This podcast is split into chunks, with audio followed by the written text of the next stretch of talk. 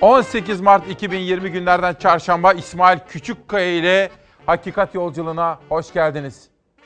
Bu işin şakası yok. Bu işin şakası yok. Zorunlu olmadıkça evden dışarıya çıkmamalı ve sosyal mesafeyi korumalıyız. Hastalığın ve virüsün yayılma hızı inanılmaz. Panik yapmayalım ama tedbir alalım. Yalnızca kendimizi değil, başkalarının sağlığını da düşünelim ve kendimizi sosyal mesafeyi koruyarak virüsten koruyalım. Bugün bu işin şakası yok diyorum. Özel zamanlardayız. Dünya böylesini görmedi. Biz de her türlü planı, programı, akışı değiştirdik.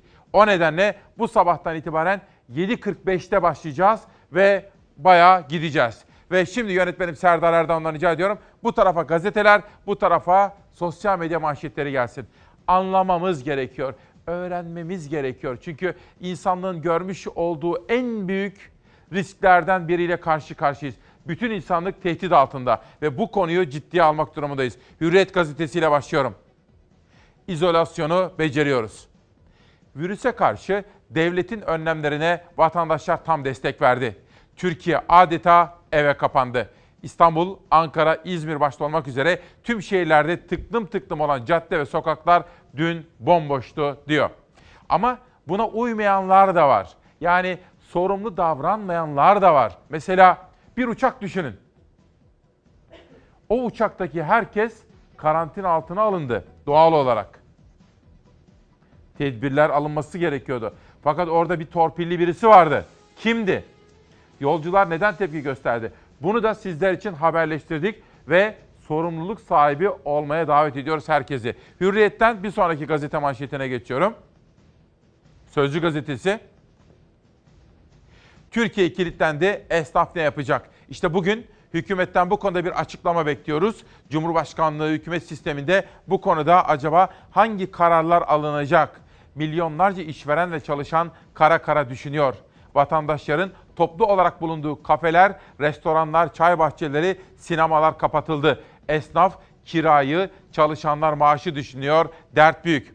Bugün Cumhurbaşkanı Erdoğan'ın başkanlığında toplanacak olan bir kurul var ve esnaf başta olmak üzere işverenler, çalışanlar, evden çalışmak durumunda kalanlar, işini kaybetme riski altında kalanlarla ilgili çok önemli açıklamalar bekliyoruz. İşte bugün önemli gündem maddelerinden birisi de bu. Bu işin şakası yok. Bir sonraki gazete manşetine geçiyorum. Bir gün gazetesi Dünya Sağlık Örgütü Başkanı'nın dediği gibi çok fazla test yapmamız gerekiyor. Daha çok test, daha çok tedbir. Uzmanlar koronavirüs testinin yurt dışı teması olan kişilerle sınırlı kalmaması gerektiğini vurguluyor. Olası bir salgına karşı yatak kapasitesi başta olmak üzere hastanelerdeki tıbbi ekipmanların sayısını artırmakta şart. Peki en son durum nedir? Güncellememiz gerekiyor. Türkiye'den, Amerika'dan, İtalya'dan, İran'dan, dünyanın bütün bölgelerinden haberleri derleyip toparladık. Türkiye'de ilk ölümlü vaka maalesef gerçekleşti koronavirüsle mücadelemizde bugün ilk kez bir hastamı kaybettim. Koronavirüs testi pozitif çıkan bir hasta hayatını kaybetti. Dünyada pandemi ilan edilmesine neden olan virüs Türkiye'den ilk kez can aldı. Ölen hastanın 89 yaşında bir erkek olduğunu duyurdu bakan. Korona pozitif sonucu alınan hasta sayısı ise 98'e yükseldi. Bugün yapılan testlerde pozitif sonuç 51 kişidir. Toplam hasta sayımız 98 olmuştur. Sağlık Bakanı Fahrettin Koca ilk ölümü duyurmak için gece yarısı geçti kamera karşısına. Bir gün önce aynı saatlerde sayının 47 olduğunu duyurmuştu. Bir günden diğerine vaka sayısı katlandı. 51 kişinin daha Covid-19 virüsü taşıdığı belirlendi. Yaşanan koronavirüsü kaynaklı ilk ölümün haberini verirkense Bakan Koca bir hekim olarak konuştu. Bu cümleyi bu toplumun Sağlık Bakanı olmak yanında bir hekim olarak da kurmak istiyorum. Koronavirüsle mücadelemizde bugün ilk kez bir hastamı kaybettim. Yaşamını kaybeden hasta 89 yaşındaydı. Koronavirüsün hastaya Çin temaslı bir çalışanından bulaştığı belirlendi. Hastanın ismi hangi şehirde, hangi hastanede yaşamını yitirdiği yine açıklanmadı. Türkiye haftalardır tetikte ama 11 Mart'ta koronavirüsle resmen tanıştı. Bir kişi de virüs saptandı. O kişinin yakın çevresi ve Umre'den gelen bir kişiyle sayı hafta sonu 6'ya çıktı, yeni haftadaysa katlandı. Önce 18 olarak açıklandı, ardından 29 vaka daha eklendi, sayı 47'ye yükseldi. Sağlık Bakanı'nın son açıklamasıyla sayı yine katlandı, 51 vaka artışla son sayı 98. Pozitif sonuçların büyük kısmı iyileşme ile sonuçlanıyor. Bunun için gerekli destek tedavisini veriyoruz. Bakan pozitif seyreden vakaların iyileşme gösterdiğinin altını çizdi son açıklamada. Durumun ülkemizde de bir salgına dönüşmesi ihtimaline istinaden tedbir alınmasının önemini bir kez daha vurguladı. Salgına dönüşmesi dünyada olduğu gibi ülkemizde de ihtimal dahilinde olan ve ciddi riskler içeren bu hastalığa karşı set çekmenin yolu tedbir almaktır. Araştırmaların kesin olarak ortaya koyduğu bir gerçekse virüsün farklı yaş grupları üzerindeki etkisi. Çocuklar ve gençler virüsü kolayca kapabiliyor, Gençlerin ve çocukların virüsü kolayca kaptığını söyledi bakan. Ancak bu yaş grubunun bulaştırma ihtimali hastalık tablosu görülmesi ihtimalinden daha yüksek.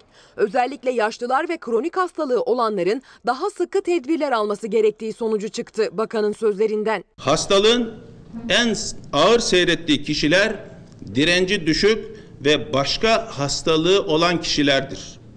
Yaşlılar yüksek risk grubundadır. Direnci düşük, kronik hastalığı olan vücut savunma sistemi zayıf yaşlılarımız çok dikkatli olmalıdır. Virüs özellikle solunum yolu üzerinden bulaşıyor. Temas virüse aradığı fırsatı sunuyor. Kalabalık ortamlar en riskli ortamlar. Temastan kaçınmak, kalabalık ortamlarda bulunmamak, hastalık belirtilerine sahip kişilerin kendini izole etmesi, hastalık belirtisi göstermeyen genç ve çocuklarınsa özellikle yaşlılarla temasının kesilmesi alınabilecek başlıca önlemler. Herkesi tedbirlere harfiyen uymaya davet ediyorum. Açıklama sonunda sürede verdi Sağlık Bakanı Fahrettin Koca. Direnme çağrısı yaptı. Bugünler böyle devam etmeyecek. Hayatımızı bu şartlara göre düzenleyelim. Bir buçuk iki ay direnelim.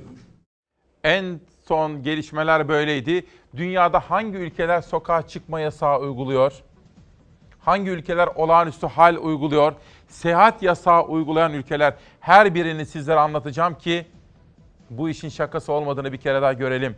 Evren Pala gibi pek çok arkadaşım çifte standarda isyan ediyor. Haklılar. Onun manşetini sizlere aktaracağım. Hürriyet gazetesini okumuştum. Sözcüye gelmiştim bir gün. Daha fazla test.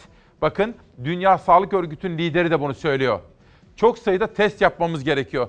Türkiye çok fazla test yapmış değil maalesef. Henüz daha 10 bine bile ulaşmadı uyguladığımız test rakamı. Bir gün gazetesinden okudum bu detayı. Geçelim bir sonraki manşete. Sabah gazetesi 12 milyon emekliye virüse karşı koruma. Sosyal hayata yeni koronavirüs önlemleri. Yaşlılara daha fazla koruma. Bankalar, toplu taşıma ve lokantalara yeni düzen geldi. Emeklilere talep etmeleri halinde evde maaş ödenecek. Bakın bu çok önemli. Çünkü özellikle yaşı büyüklerin, büyüklerimizin evden dışarı çıkmamaları gerekiyor. Onlar risk grubunda. Dolayısıyla onları izole etmemiz gerekiyor. Sosyal yardımlaşma vakıfları hane ziyareti yapamayacak. Kronik hastaların ilacı için yeni reçeteye gerek olmayacak. Aşevleri ihtiyacı olanlara eve servis yapacak. Banka şubelerinde müşteri sayısı kontrollü belirlenecek. Bankalar ATM'den para çekme limitlerini artıracak. Zaten başladı pek çok banka buna. Toplu taşımada ek seferlerle araç başına yolcu sayısı azaltılacak. Mümkün olduğu kadar otobüslere, metrobüslere, metroya binmememiz gerekiyor efendim. Oraları hastalığın ve virüsün bulaşması için çok riskli yerler. Lokantalarda masalar arasındaki mesafe artacak diyor Sabah gazetesi. Geçelim bir sonraki habere, manşete. Sabahtan Cumhuriyet'e onlar böyle başardı. Halk sağlığını tehdit etmek yerine evde kalıp teması kestiler. Koronavirüs salgınının başladığı Wuhan'da, Çin'de sıkı önlemler sonucu dün yalnızca bir vaka saptandı. Güney Kore test ve karantina ile salgını kontrol altına aldı. Bilime kulak veren ülkeler sonuç alırken Türkiye'de salgını büyütebilecek duyarsızlıklar var. Karantinaya alınmayan ya da kaçmaya çalışan umre ziyaretçileri paniğe neden oldu. Efendim bakın. Bir uçakta torpilli birisi kimin kızıdır, kimin eşidir bilmem. Kimin nesi olursa olsun bir başkasının sağlığını tehlikeye atmaya hiç kimsenin hakkı yok. Nereye gidiyor hanımefendi? Nereye gidiyor? Nereye gidiyorsunuz? Sizin isminiz nedir? Burada ihmal kabul edilemez. Kimseye ayrıcalık tanınamaz. Tarafımızca araştırılıp sorumlular tespit edilip gereği yerine getirilecektir. Vatandaşlarımız müsteri olsunlar. Evet kaçırın. Kimin çocuğuysa kızıysa Fransa'dan gelen iki yolcunun karantina otobüsünden alınması olayıyla ilgili olarak hukuk gerekeni yapacaktır. Bu konuda hiçbir taviz, hiçbir istisnai muamele kabul edilemez. Fransa'dan gelen iki yolcu karantina otobüsünden alındı, polis aracına bindirildi. Karantinaya alınan yolcular isyan etti. O isyanı hem İçişleri Bakanı hem Adalet Bakanı hem de savcılık duydu. Savcılık soruşturma başlattı. hangi hani karantina? Hanımefendi nereye gidiyor? Açıklar mısınız? Paris'ten kalkan Türk yolcuları taşıyan yolcu uçağı gece saatlerinde İstanbul'a geldi. Sağlık Bakanlığı'nın kararı doğrultusunda yolcular 14 gün karantinada tutulacaktı. Yolcuları taşıyan otobüsü polis durdurdu ve önce bir yolcu otobüsten indirildi. Kimseyi alamazsınız. Otobüstekiler ne olduğunu anlayamadı önce. Gözaltına alma işlemi değildi yapılan ve o anları videoya kaydedip sosyal medyada paylaştılar. Evet kaçırın. Kimin çocuğuysa kızıysa Fransa'dan gelen iki yolcu Kıbrıs aktarmalı olarak uçağa bindirilmiş ancak son gelen yolcularla ilgili böyle bir transit uygulamamız yok. Yanlış yapılan bu biniş işlemiyle ilgili gereği yapılıyor. Videonun paylaşılmasıyla İçişleri Bakanı Süleyman Soylu hemen talimat verdi. İhmalin kabul edilemez olduğunu söyledi. Gereği yapılacak dedi. Adalet Bakanı Abdülhamit Gül de kimseye istisnai muamele yapılamaz dedi. Karantinaya götürülen yolcuları taşıyan otobüsten inen bir yolcu ve yine onun gibi Kıbrıs aktarması olan ikinci yolcu karantinaya alındı. 14 gün karantina altında kaldıktan sonra Kıbrıs'a gönderilecekler. Kanun önünde herkes eşittir. Olayın takipçisiyiz. Yaşanan olay sonrası İstanbul Gazi Osman Paşa Cumhuriyet Başsavcılığı harekete geçti. Başsavcılık karantina tedbirlerine aykırı davranılması suçundan soruşturma başlattı. Böyle bir şey olamaz. Böyle bir sorumsuzluk olamaz efendim. Biz de bu konuyu takip edeceğiz. Gerek Adalet gerekse İçişleri Bakanlığı teminat verdiğine göre ben de sizlere söz veriyorum. Yakinen takip edeceğim. Bugün veya yarın bu konuda ne gelişme olursa takip edip sizlere bildireceğim. Kıvılcım Arduç, İsmail Bey. 60 yaşın üstündekilerle ilgili olarak daha fazla tedbir almalı. Serbest dolaşım belki de bir süre yasaklanmalı diyor efendim. İşte Pencere gazetesi. Yüzlerce kişi cenaze törenine katıldı. Bakın buyurun buradan yakın. İçişleri Bakanlığı genelge yayımladı. Diyanet yasakladı ama yüzlerce kişi cenaze törenine katıldı. Koronavirüs tedbirlerine duyarsızlık devam ediyor. Aralarında AK Parti Milletvekili Çamlı, Fatih Belediye Başkanı Turan ve Bayrampaşa Belediye Başkanı Aydınler'in de olduğu yüzlerce kişi cenaze namazına katıldı. Efendim bakın meseleyi ciddiye almıyorlar. Meselenin hepimizin sağlığını tehdit altına alan büyük bir risk olduğunu, bütün insanlığı kırıp geçirebileceğini görmüyorlar. Panik yapmayalım tamam ama meseleyi ciddiye alalım. 18 Mart'ın hava durumuyla devam ediyorum. Mersin yine sele teslim oldu. Yurdun güneyinde sağanak yağmur, iç ve doğu kesimlerde ise kar ve dolu yağışı mağdur etti. Yurda kış geri döndü. Mart'ın ikinci yarısında gelen sel yine Mersin'i vurdu. 3 ayın içinde 4 defa sele maruz kaldık. Fakat en son gelen şu andaki sel bizi çok büyük zarara uğrattı. Erdemli ilçesinde 2000 dönüm muz serası tamamen sulara gömüldü. Baharı beklerken kar erimeleri hızlanmış, Limonlu Deresi zaten taşmıştı. Çiftçiyi sel telaşı sarmıştı yine. Eriyen karın sularına ilave olan aşırı yağışlar su baskınını kaçınılmaz hale getirdi. Büyük zarar var. Maddi zararımız çok büyük. Herkes endişeli. Ne olacağını da kimse bilemiyor şu an. Muş'ta da aniden bastıran yağış ve karların erimesiyle birlikte Yoncalı Özköy'ünde ev ve ahırlar sel suları altında kaldı. Su altında kalan 30 hanede vatandaşlar bir yandan eşyalarını kurtarmaya çalıştı, bir yandan evlerindeki suyu dışarıya atmaya. Evinden iş makinesi yardımıyla çıkarılan vatandaşlar köyün içinden geçen derenin sık sık taştığını söyledi. Köyün en azından 30 hane şu anda suyun altındadır. E, Bayağı zayiatlar var. İç kesimlerde ve Karadeniz'de ise her yer beyaza büründü. Samsun'da baharı beklerken kar geldi. Mart karı 30 santimetre kalınlığa ulaştı Samsun yükseklerinde. Sivas'ta hem kent merkezi hem kırsal kesim beyaz örtüyle kaplandı. 124 yerleşim yeri kar nedeniyle ulaşıma kapandı. Şehir merkezinde bahardan yeniden kışa dönen mevsimle yaklaşık 20 santimetre kar birikti. İç Anadolu bölgesinin doğusunda, Doğu Anadolu ve Doğu Karadeniz'de kar yağışı etkili oldu gün boyunca. Yurdun iç ve doğu kesimleri yeniden kara gömüldü. Antalya'nın iç ve yüksek kesimlerinde bile kar yağdı. Antalya-Konya yolunda kar ağır tonajlı araçlara geçit vermedi. 1825 rakımlı Alacabel mevkiinde ulaşımı aksattı kar. Şanlıurfa'nın Siverek ilçesinde ise misket büyüklüğünde dolu yağdı. Araç sahipleri araçlarını korumak için benzinlik ve kapalı alanlara kaçtı. Sağanak bir anda kuvvetle bastırdı. Kısa süreli sağanak yağmur ve dolu yağışı sonunda her yer göle döndü. Diyarbakır'da da benzerdi manzara. Akşam saatlerinde başlayan aşırı kuvvetli sağanağın peşinden dolu geldi, her yer beyaza büründü. Bazı yol ve alt geçitleri su bastı, araçlar yükselen sel suyunun içinde mahsur kaldı. Güneydoğu Anadolu ve Doğu Anadolu'da bugün de yağışlar kuvvetli olabilir. Güneydoğu Anadolu'da yağmur, Doğu Anadolu'da ise yoğun kar yağışı bekleniyor. Elazığ, Tunceli, Bingöl, Muş çevrelerinde bugün kar yağışı yine şiddetini arttırabilir. Bugün 18 Mart. 18 Mart 1915. Size taarruzu emretmiyorum. Ölmeyi emrediyorum. Biz ölünceye kadar geçecek zaman içinde başka kuvvetler ve komutanlar olabilir. İşte bu sözler Gazi Mustafa Kemal Atatürk'ün. Devletimizi, cumhuriyetimizi kuran büyük rol modelimiz Atatürk'ün ve atamızın büyük bir askeri deha olduğunu bize ilk defa gösteren en büyük savaşlardan biri. Bakın Cumhuriyet Gazetesi'nden aktarıyorum. Çanakkale cephesi ve Mustafa Kemal. Biraz evvel Cumhur Ersümer bana Çanakkale'den yazmış. Çanakkale bizim özümüzdür. Çanakkale bizim ruhumuzdur.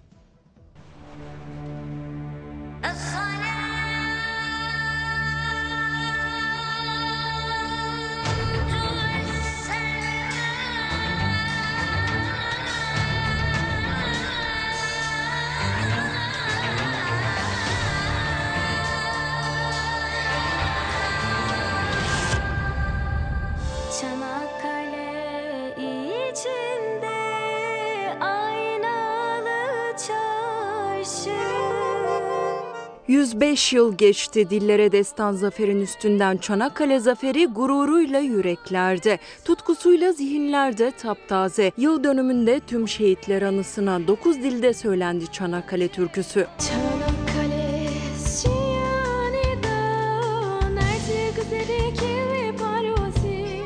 İstanbul Eyüp Sultan Belediyesi 18 Mart Çanakkale Zaferi'nin 105. yıl anısına önemli bir projeye imza attı. Çanakkale türküsü 9 dilde seslendirildi.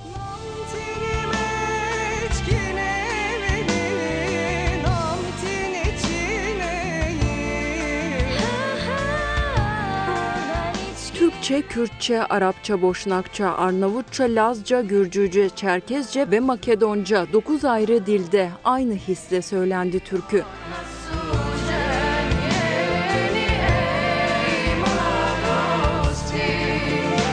Eyüp Sultan'daki ortaokul öğrencileri ve öğretmenlerinden oluşan Gönülden Gönüle müzik topluluğunun seslendirdiği türkünün klibi de ilçenin tarihi turistik mekanlarıyla Çanakkale şehitliğinde çekildi. Aslan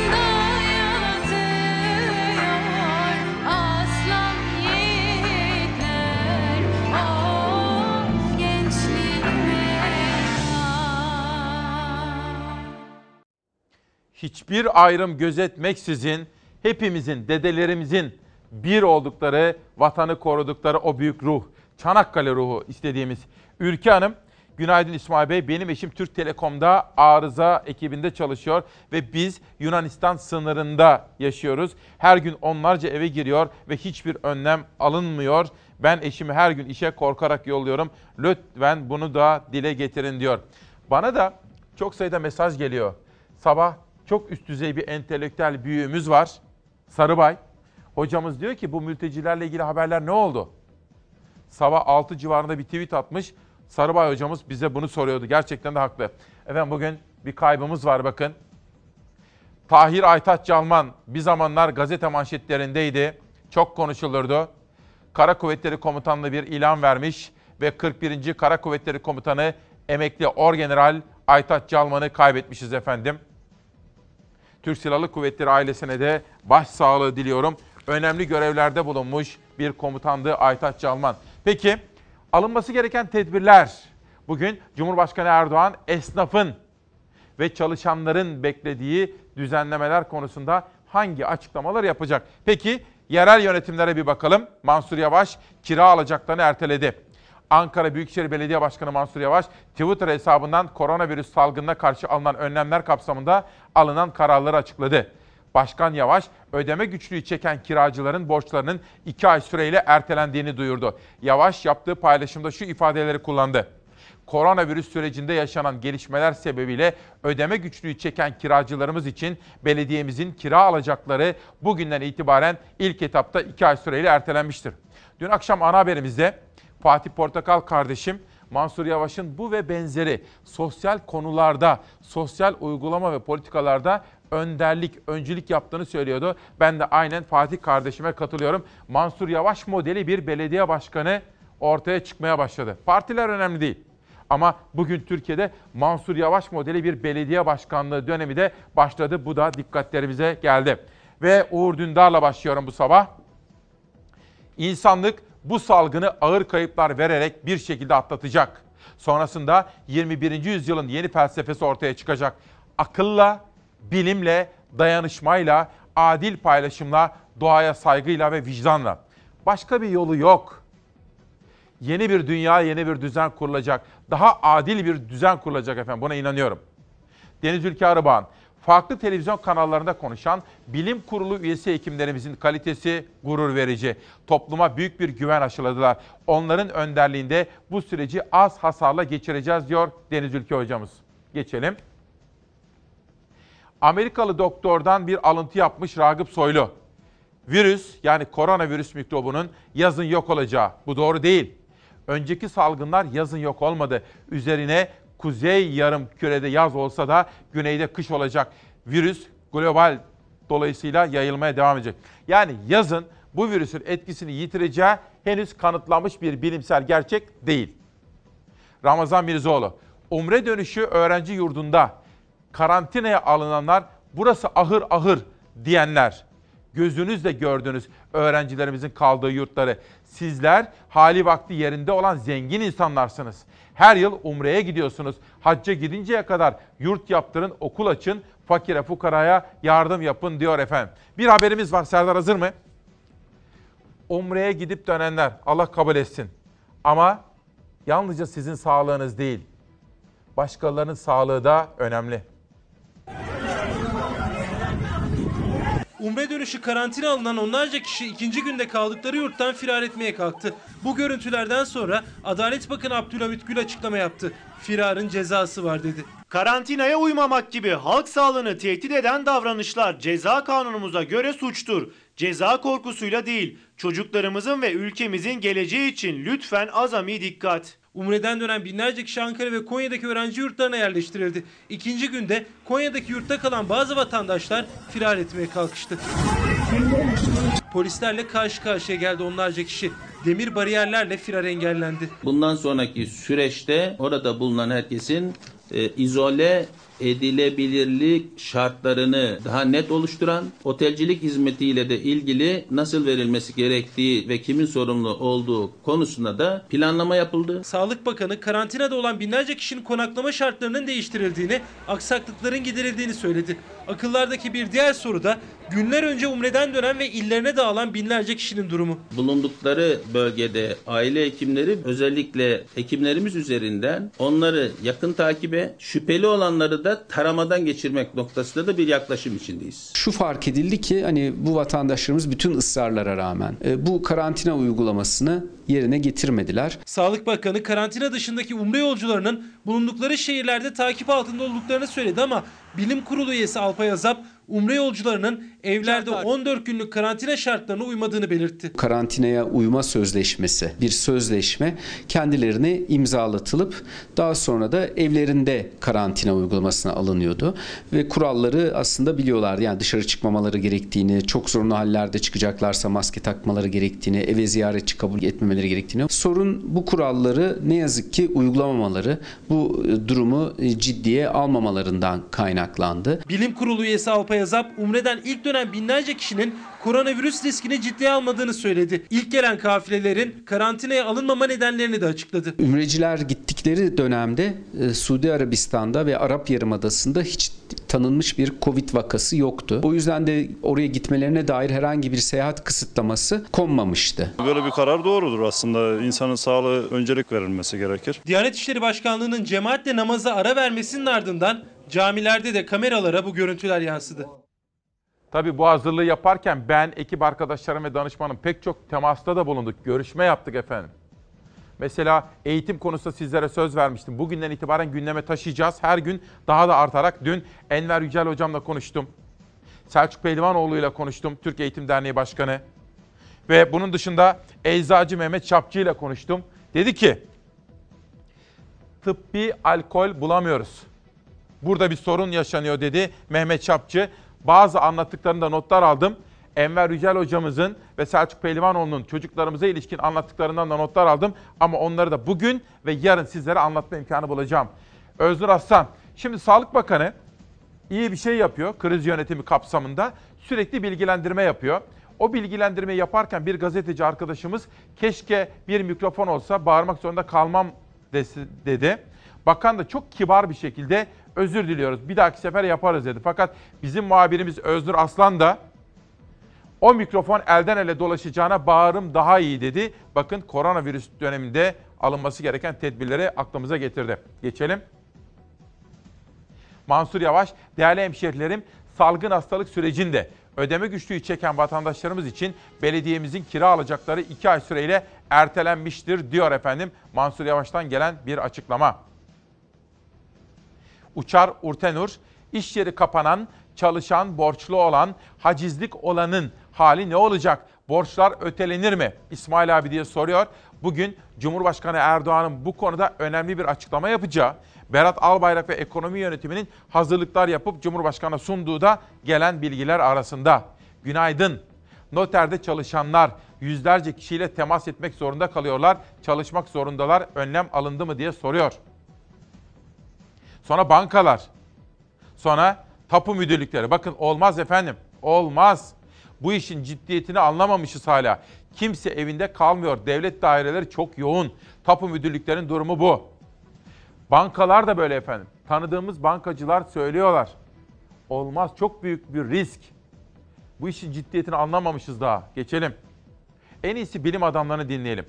Koronavirüs Bilim Kurulu üyesi Profesör Doktor Ateş Kara ki geçtiğimiz hafta İsmail Küçükkaya ile Demokrasi Meydanı'na katılmış ve bizleri bilgilendirmişti. Hocamız diyor ki, bir yıldan önce aşı sürecinin tamamlanacağını düşünmüyorum. Aşıyı bulsak bile bizi korumayabilir. Alacağımız önlemleri virüsün yayılma hızı belirleyecek. Okulların kapalı kalma süresi uzayabilir. Ben her iki hocamıza da, Pehlivanoğlu'na da, Yücel'e de sordum, Enver Yücel'e de. Bu sezon böyle kapanabilir mi? Olabilir, ihtimal dahilinde. Belki de okullar bu sezon yeniden açılmayabilir. Ona göre tedbirlerimizi almamız gerekiyor efendim. Biz en iyisi bilim adamlarını dinleyelim, bilim insanlarını. hala ülke içerisindeki dolaşımın olmadığını bildiğimiz için ekstra bir önlem almaya bugün gerek yok. Ama yarın bir baktık, farklı bir vakamız var, farklı şekilde seyrediyor. O zaman tabii ki bu önlemler direkt olarak belki de lokantaların kapatılması, alışveriş merkezlerinin tamamen kapatılması, marketlerin belirli saatlerde çok az sayıda veya kısıtlı sayıda kişinin içeride bulunmasını sağlayacak şekilde açık kalmasının organize edilmesine dönebilir. Okullarla ilgili bilgimiz var. Mesela enfeksiyon görülmeye başladıktan sonra okulları kapatırsanız enfeksiyondaki azalması %15'te kalıyor en iyi ihtimalle. Yani 100 vaka görecekseniz 85 görüyorsunuz. Ama enfeksiyon daha görülmeden okulları kapatabilirseniz bu etki minimum %45 oluyor. Yani 100 vakaya yerine en fazla 55 görüyorsunuz. Hatta 40'a kadar düşüyor. Bu nedenle de Türkiye dikkat edersek önlemleri diğer ülkelere göre çok erken ve çok radikal şekilde alıyor. Bundan sonra artık vatandaş olarak bizim şuna çok dikkat etmemiz lazım. Kendi aramızdaki sosyal mesafeyi yani toplu yaşam alanlarında bulunduğumuz yerlerde, başka insanların olduğu yerlerde bir metrelik mesafeyi korumamız lazım. İkincisi mümkün olduğu kadar evden çıkmamamız lazım. Üçüncüsü ve özellikle yurt dışından geldiysek 14 gün evde kalmamız en az kişiyle temas etmemiz, dışarıya da mümkün olduğu kadar çıkmamamız gerekiyor. Tabii ben mümkün olduğu kadar diyorum ama bu zorunluluk olmadıkça, şart olmadıkça çıkmamak şeklinde olması lazım. Ve çıkacaksak da mutlaka maske takarak çıkmamızı. Çocukların bir bahar tatili vardı, o erkene çekildi bir hafta. Ondan sonrasında da online eğitim başlayacak. Bu üniversiteler için de söz konusu, ilk öğretim için de söz konusu. Online eğitim, televizyon ve internet ortamında başlayacak ve bu şekilde çocukların devam edecek. O bugün söyleyebileceğimiz bir şey değil. Önümüzdeki günlerde ülkemizdeki durumun nasıl seyredeceğini, bizim ülkemizde görebileceğimiz vakaların içeriden yayılan vakalar mı yoksa dışarıdan gelenler mi olmasına bağlı olarak açıkçası bu süre uzayabilir, kısalabilir mi dersek çok kısalmasını ben beklemiyorum. Aşıyı geliştirmiş olmamız bu oluşacak antikorlar bizi koruyacaktır anlamına gelmiyor. Yani öncelikle bunun koruyup korumadığının testlerinin yapılması lazım. Bu birinci basamak. İkinci basamakta bu uygulandığında güvenli mi, değil mi? Onun mutlaka değerlendirilmesi gerekiyor. Üçüncü basamakta da bu güvenlik sağlam, sağlıklı gençlerde olabilir ama acaba büyüklerde, yaşlılarda nasıl? Çocuklarda nasıl? Ayrıca onun test edilmesi lazım. Tüm bunların da açıkçası ben önümüzdeki bir yıldan erken olmasını çok fazla beklemiyorum. Efendim dün sizlere söz vermiştim. Bilim insanlarıyla konuştuğumuz gibi eğitimcilerle de konuştuk. Evde çocuklarımız, onlar için yapmamız gerekenleri konuştum. Selçuk Pehlivanoğlu diyor ki önemli olan çocuklarımızın okulda öğrendiklerini bu tatilde unutmamaları diyor. Enver Yücel ise gerekirse sezonun sonuna doğru belki de sezon kapanabilir ve nasıl ki dünyada uzaktan eğitim yapılıyor bizde de buna alıştırmamız gerekebilir diyor efendim. Gereken tedbirleri almaya başladık. Bugün ve yarın ve bu hafta boyunca sizlere bu konudaki haberleri aktaracağım. Dedim ya bugün Çanakkale bizim özümüz, ruhumuz. Çanakkale 1915 ve böyle bir kitap geldi elime Yetkin İşçen'den. Şimdi bir reklama gitmek istiyorum. Bilgilerimi güncellemek istiyorum. Ama Sabahattin Ali cezaevinde cezaevi mektupları yazmıştı. Cezaevi şiirleri yazmıştı efendim. Geniş ol. Geniş ol. Göklere bakın. Çıkacağın günler yakın. Yar beni unutma sakın. Gurbet hapishanesinde. 18 Mart 2020 günlerden çarşamba İsmail Küçükkaya ile Hakikat yolculuğundasınız. Bu işin şakası yok. O nedenle her şeyi değiştirdik. Bütün plan, program, akış, saat. Bugünden itibaren sizlerle 7.45'te buluşuyoruz. Bunun özel bir anlamı var. Sizlere anlatacağım bunu yeri gelmişken. Bu işin şakası yok diyorum. Gazete manşetlerinde yeni tur haberlerle yolculuğumuza devam ediyorum. Sözcü gazetesi Türkiye kilitlendi. Esnaf ne yapacak? Milyonlarca işveren ve çalışan kara kara düşünüyor. Vatandaşların toplu olarak bulunduğu kafeler, restoranlar, çay bahçeleri, sinemalar kapatıldı. Esnaf kirayı, çalışanlar maaşı düşünüyor. Dert büyük. Bu konuda bugün hükümet bir toplantı yapacak ve toplantıdan sonra Cumhurbaşkanı Erdoğan bir açıklama yapacak. İşleri duran, durma noktasına gelen, iş yerleri kapatılan, işini kaybeden, geliri ortadan kalkan milyonlarca insan hükümetin yapacağı açıklamayı dikkat ve merakla bekliyor efendim. Geçelim bir sonraki gazete haberine. Sözcüden sonra sıra Milliyet'te. Evde kal Türkiye. Dün de böyle demiştik ya, evde kal Türkiye'm. İletişim Başkanı Altun, o hal ilan edileceği, sokağa çıkma yasağı uygulanacağı yönündeki söylentilerin gerçeği yansıtmadığını açıkladı. Tedbirler olumlu etkisini gösterirken halk da sosyal medyadan verdiği mesajlarla zorunlu olmadıkça kimsenin evden çıkmamasını istiyor. Efendim şöyle bir soru sormak isterim.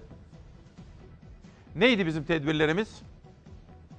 Bir, evden çıkmayacağız zorunlu olmadıkça. Çocuklarımız da çıkmayacaklar. Onlara verilen tatil tatil değil aslında. Onlara verilen tatil çocuklarımızı bu virüsten korumak için alınan bir tedbir. Onları mümkün olduğu kadar sosyal mesafe içinde korumamız gerekiyor. 3. Elimizi sabunlu suyla 20 ila 30 saniye arasında yıkayacağız. Bu ve benzeri tedbirleri mutlaka almaya gayret edeceğiz efendim. Şimdi bu konuda derleyip toparladığımız haberlerden birisiyle başlıyorum. Ama önce şu manşet de vereyim size. Milliyetten sonraki gazeteye bir geçelim.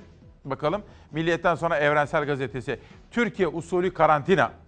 Ankara'da Umre'den dönüp yurtlara yerleştirilenlerin sayısı 3500 kişiyi buldu.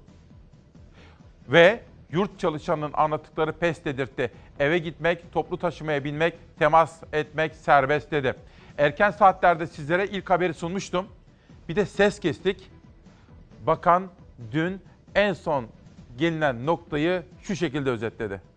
Bu gece sizi ve bütün halkımızı gerçekten üzen bir haberi aynı üzüntüyü hissederek bildireceğim. Bu cümleyi bu toplumun Sağlık Bakanı olmak yanında bir hekim olarak da kurmak istiyorum. Koronavirüsle mücadelemizde bugün ilk kez bir hastamı kaybettim. Toplumu temsilen onu en yakın takip eden kişilerdenim. Kendisi 89 yaşındaydı. Virüsü Çin temaslı bir çalışanından aldı. İlk kaybımız olan beyefendiye Allah'tan rahmet diliyorum. Ailesinin üzüntüsü hepimizin üzüntüsüdür. Kendilerine sabır diliyorum. Bugün yapılan testlerde pozitif sonuç 51 kişidir. Toplam hasta sayımız 98 olmuştur. Belirttiğim gibi pozitif sonuçların büyük kısmı iyileşme ile sonuçlanıyor. Bunun için gerekli destek tedavisini veriyoruz. Virüs özellikle solunum yolu üzerinden bulaşıyor. Temas virüse aradığı fırsatı sunuyor. Kalabalık ortamlar en riskli ortamlar. Araştırmaların kesin olarak ortaya koyduğu bir gerçekse virüsün farklı yaş grupları üzerindeki etkisi. Çocuklar ve gençler virüsü kolayca kapabiliyor. Hastalığın en ağır seyrettiği kişiler direnci düşük ve başka hastalığı olan kişilerdir. Yaşlılar yüksek risk grubundadır. Direnci düşük, kronik hastalığı olan vücut savunma sistemi zayıf yaşlılarımız çok dikkatli olmalıdır. Herkesi tedbirlere harfiyen uymaya davet ediyorum. Bugünler böyle devam etmeyecek. Hayatımızı bu şartlara göre düzenleyelim. Bir buçuk iki ay direnelim. Bakın eczacı Şule Hanım, Şule Arslan Ozan, İsmail Bey günaydın. Meslek grubu olarak biz eczacılarda çok büyük bir risk altındayız diye dikkat çekmek istiyor. İlker Ünsal, Ankara'da büyük bir AVM'de kuaför salonu sahibiyim. 50 bin lira kiram var. Bir haftadır günlük 500 lirayla dükkan kapanıyor. Yardım bekliyorum. Hükümet sesimizi duymalı diyor İlker Bey. Karardan bir manşetle devam edelim. Bu kabusu atlatmanın yolu var. Evet var. Ama önlemleri ciddiye alırsak efendim. Küresel felakete dönen virüs vakaları Türkiye'de de artıyor. Kore ve Karadağ gibi örnekler ise doğru adımlarla virüsün yenilebileceğini ortaya koyuyor. Kritik 10 günde daha çok test, uçuş yasağının genişletilmesi gibi önlemler çok önemli rol oynuyor. Devletin tavizsiz mücadele yürütmesi ve tüm bu önlemlerin işe yarayabilmesi için vatandaşların 4 adımdan fazla yaklaşma gibi basit kurallar uyması gerekiyor. Efendim kimseyle tokalaşmıyorsunuz değil mi? Özellikle yaşı büyüklerim. Çıkmıyorsunuz değil mi evden? Kimseyle tokalaşmıyorsunuz. Kimseyle öpüşmüyorsunuz. Kimseye sarılmıyorsunuz değil mi? Lütfen. Özellikle sizler risk grubundasınız ama yalnızca sizler değil. Her birimiz bu kurallara dikkat etmemiz gerekiyor. Geçelim bir sonraki gazete manşetine. Milli Gazete zorunlu tatil uzayabilir.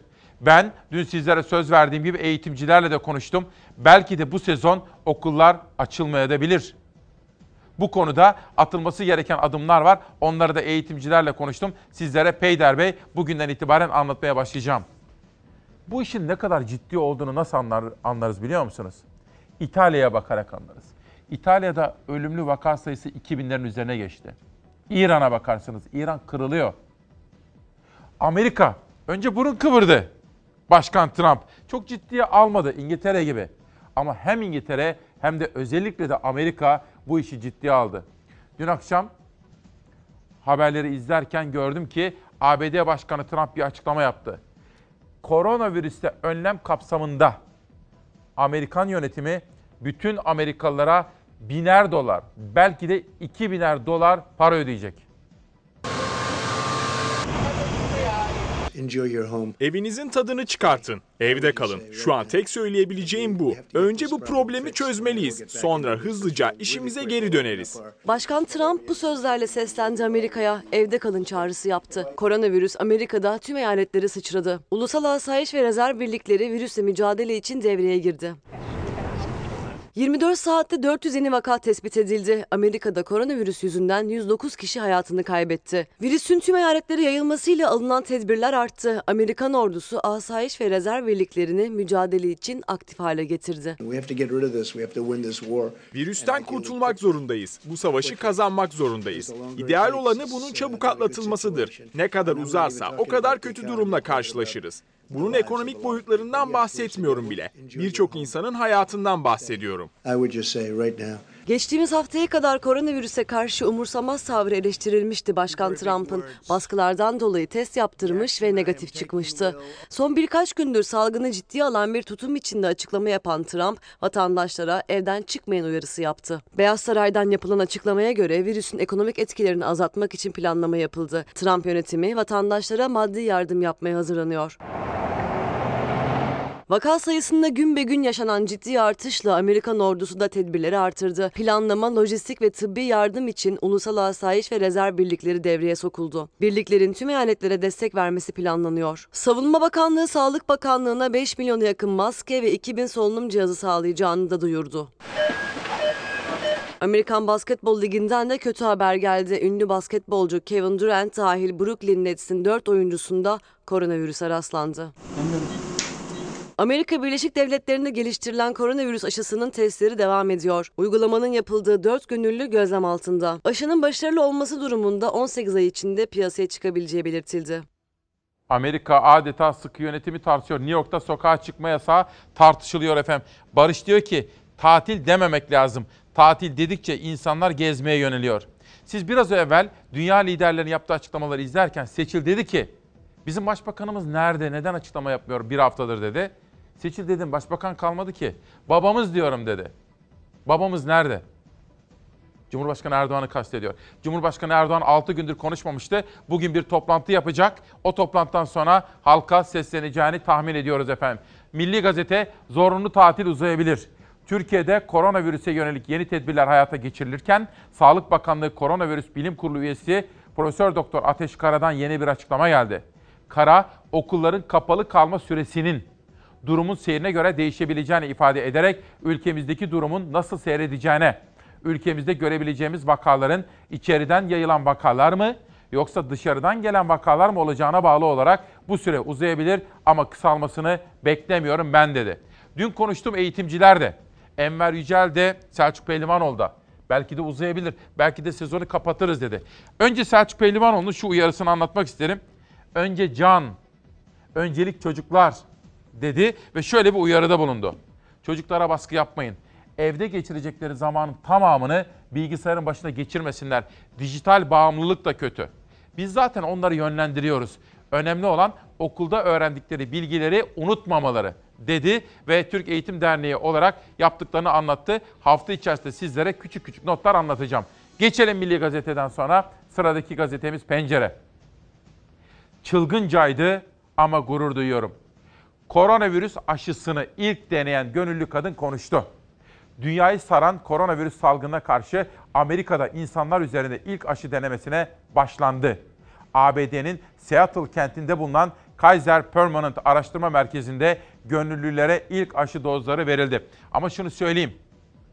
Hemen umutlanmayınız. Çünkü bir aşının test edilmesi, onaylanması, insanlar üzerindeki etkisinin araştırılması, yan etkilerinin ölçülmesi uzun bir zaman istiyor. Dolayısıyla hemen aşı bulundu, bulunacak gibi umut var olmak doğru değil efendim. Az önce Amerika'ya bakmıştık. Bizi bekleyen riskin ne kadar büyük olduğunu anlamak, panik yapmamak ama gereken tedbirleri ciddiyetle almak için almamız gereken örnekler var. Mesela İtalya'ya bakalım. Evlerinizde durmanız gerekiyor. Yani evinizden çıkmamanız gerekiyor. İtalya'da yeni vaka görülme sayısı geriledi ancak can kaybı artıyor. Ülke genelinde uygulanan olağanüstü hal büyük bir ciddiyetle devam ediyor. Cumhurbaşkanı Erdoğan İtalya Başbakanı Giuseppe Conte ile telefonda görüştü. Hayatını kaybedenler için başsağlığı dileklerini iletti. İtalya yeni tip koronavirüsün adeta merkez üssü haline geldi. Salgına karşı geciken önlemler İtalya'yı Çin'den sonra en ağır bilanço yaşayan ülke haline getirdi. Özellikle iki haftadır çok sıkı uygulanan tedbirler yeni vaka sayısındaki artışı önledi. Ancak ülke genelinde 24 saatte 300'e yakın kişi daha salgın nedeniyle yaşamını yitirdi. Yatak kapasitelerinin nasıl yetersiz kaldığını göremiyorsunuz.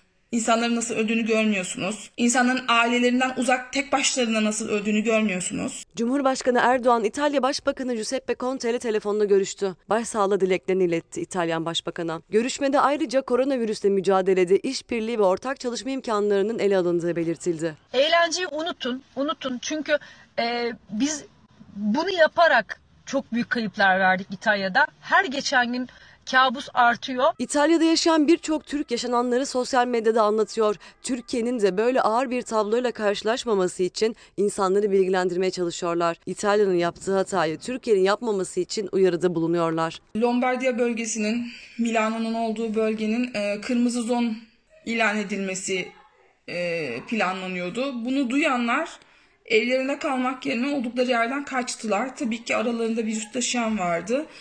Ee, o sebeple diğer yerlere de yayıldı. Ülkede sokağın nabzı atmıyor, virüs endişesi şehirleri hayalet şehirlere döndürdü. İtalya'nın en çok turist ağırlayan bölgelerinde derin bir sessizlik hakim. Burası Pantheon, evimizin arkası.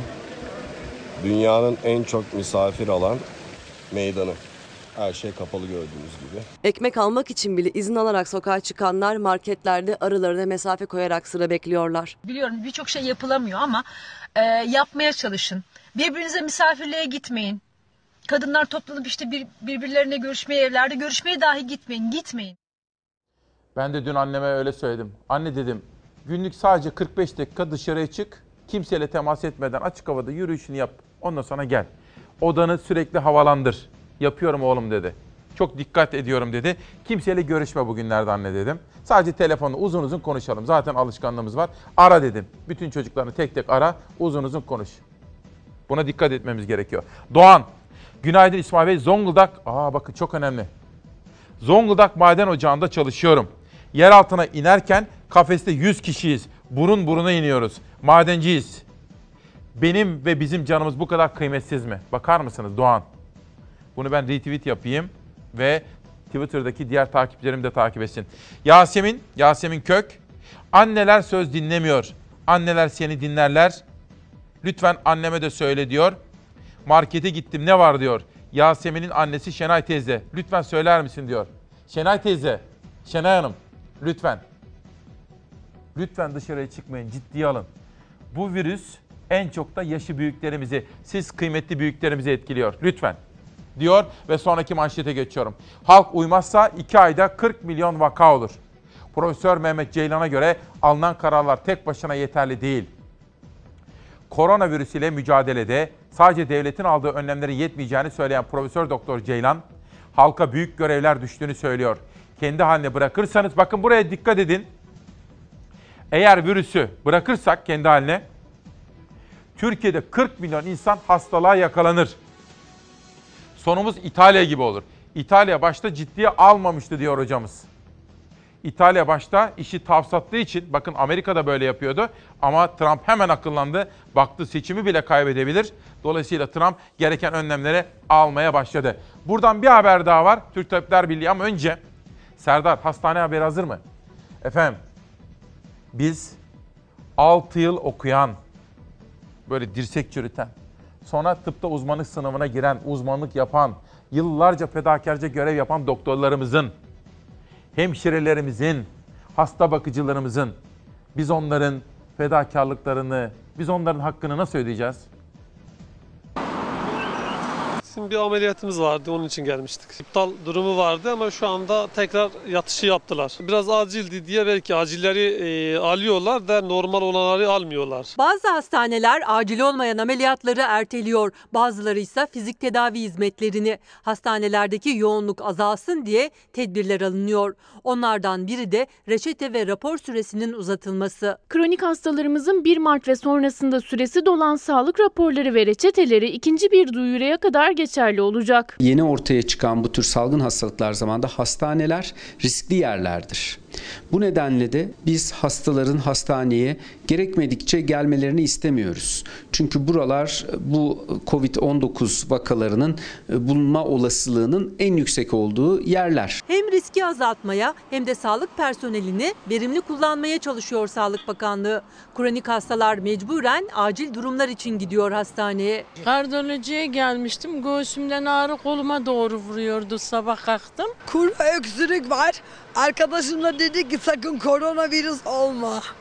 Var mı bir şey? Baktırdınız mı? Hayır astım var. Antibiyotik mi yazdılar? Virüsten şüphelenen hastalarınsa öncelikle koronavirüs danışma hattı Alo 184'ü aramaları tavsiye ediliyor. Sonrasında ise hastanede daha kapıdan başlıyor önlemler. Koronavirüs önlemleri kapsamında hastanelerdeki tedbirler de artırıldı. Bazı eğitim ve araştırma hastanelerinde hastaneye girenlerin ateşi ölçülüyor, yüksek olanlar kontrol altına alınıyor. Bize de girişte sordular. Ee, dediler neden geldiniz, şikayetiniz nedir? Bizim kontrolümüz var dedik. İçeri girerken hastalarda ateş ölçerle kontrol ediyorlar. Zorunlu olmadıktan sonra almıyorlar içeri. Ateşinizi ölçtüler mi? Tabii ateşimiz de ölçtüler. Nasıl çıktı ateşiniz? Gayet iyi yani bir sağlıklı çıktı. Bu karar alınıyor diye hiç endişelenmeye aslında gerek yok. Çünkü bu karar sadece ertelenebilir sağlık sorunları için geçerli. Poliklinikler, acil servisler kapatılmış durumda değil. Yine başvurularını yapabiliyorlar. Hatta hastaneler özel ekipler de oluşturmuş durumda. Hastaneler sadece ertelenebilir tedavileri ya da ameliyatları ötelemiş durumda. Birincil öncelik de hastaneye virüs sokmamak. Güvenlik arkadaşlar kesinlikle ve kesinlikle yukarıya kimseyi göndermiyorlar. 60 yaş üzerini kesinlikle içeri almıyorlar. Ziyaretçi de olsa, refakatçi de olsa zaten refakat ziyaret bitti. Engellendi. Çok dikkat etmemiz gerekiyor. Bu arada Ankara Üniversitesi Tıp Fakültesinden bu konuda çok uzman bir hocamız var. İki gündür onunla konuşuyorum. Daha evvelki benzeri olaylarda uzman. Başkanlık yaptı.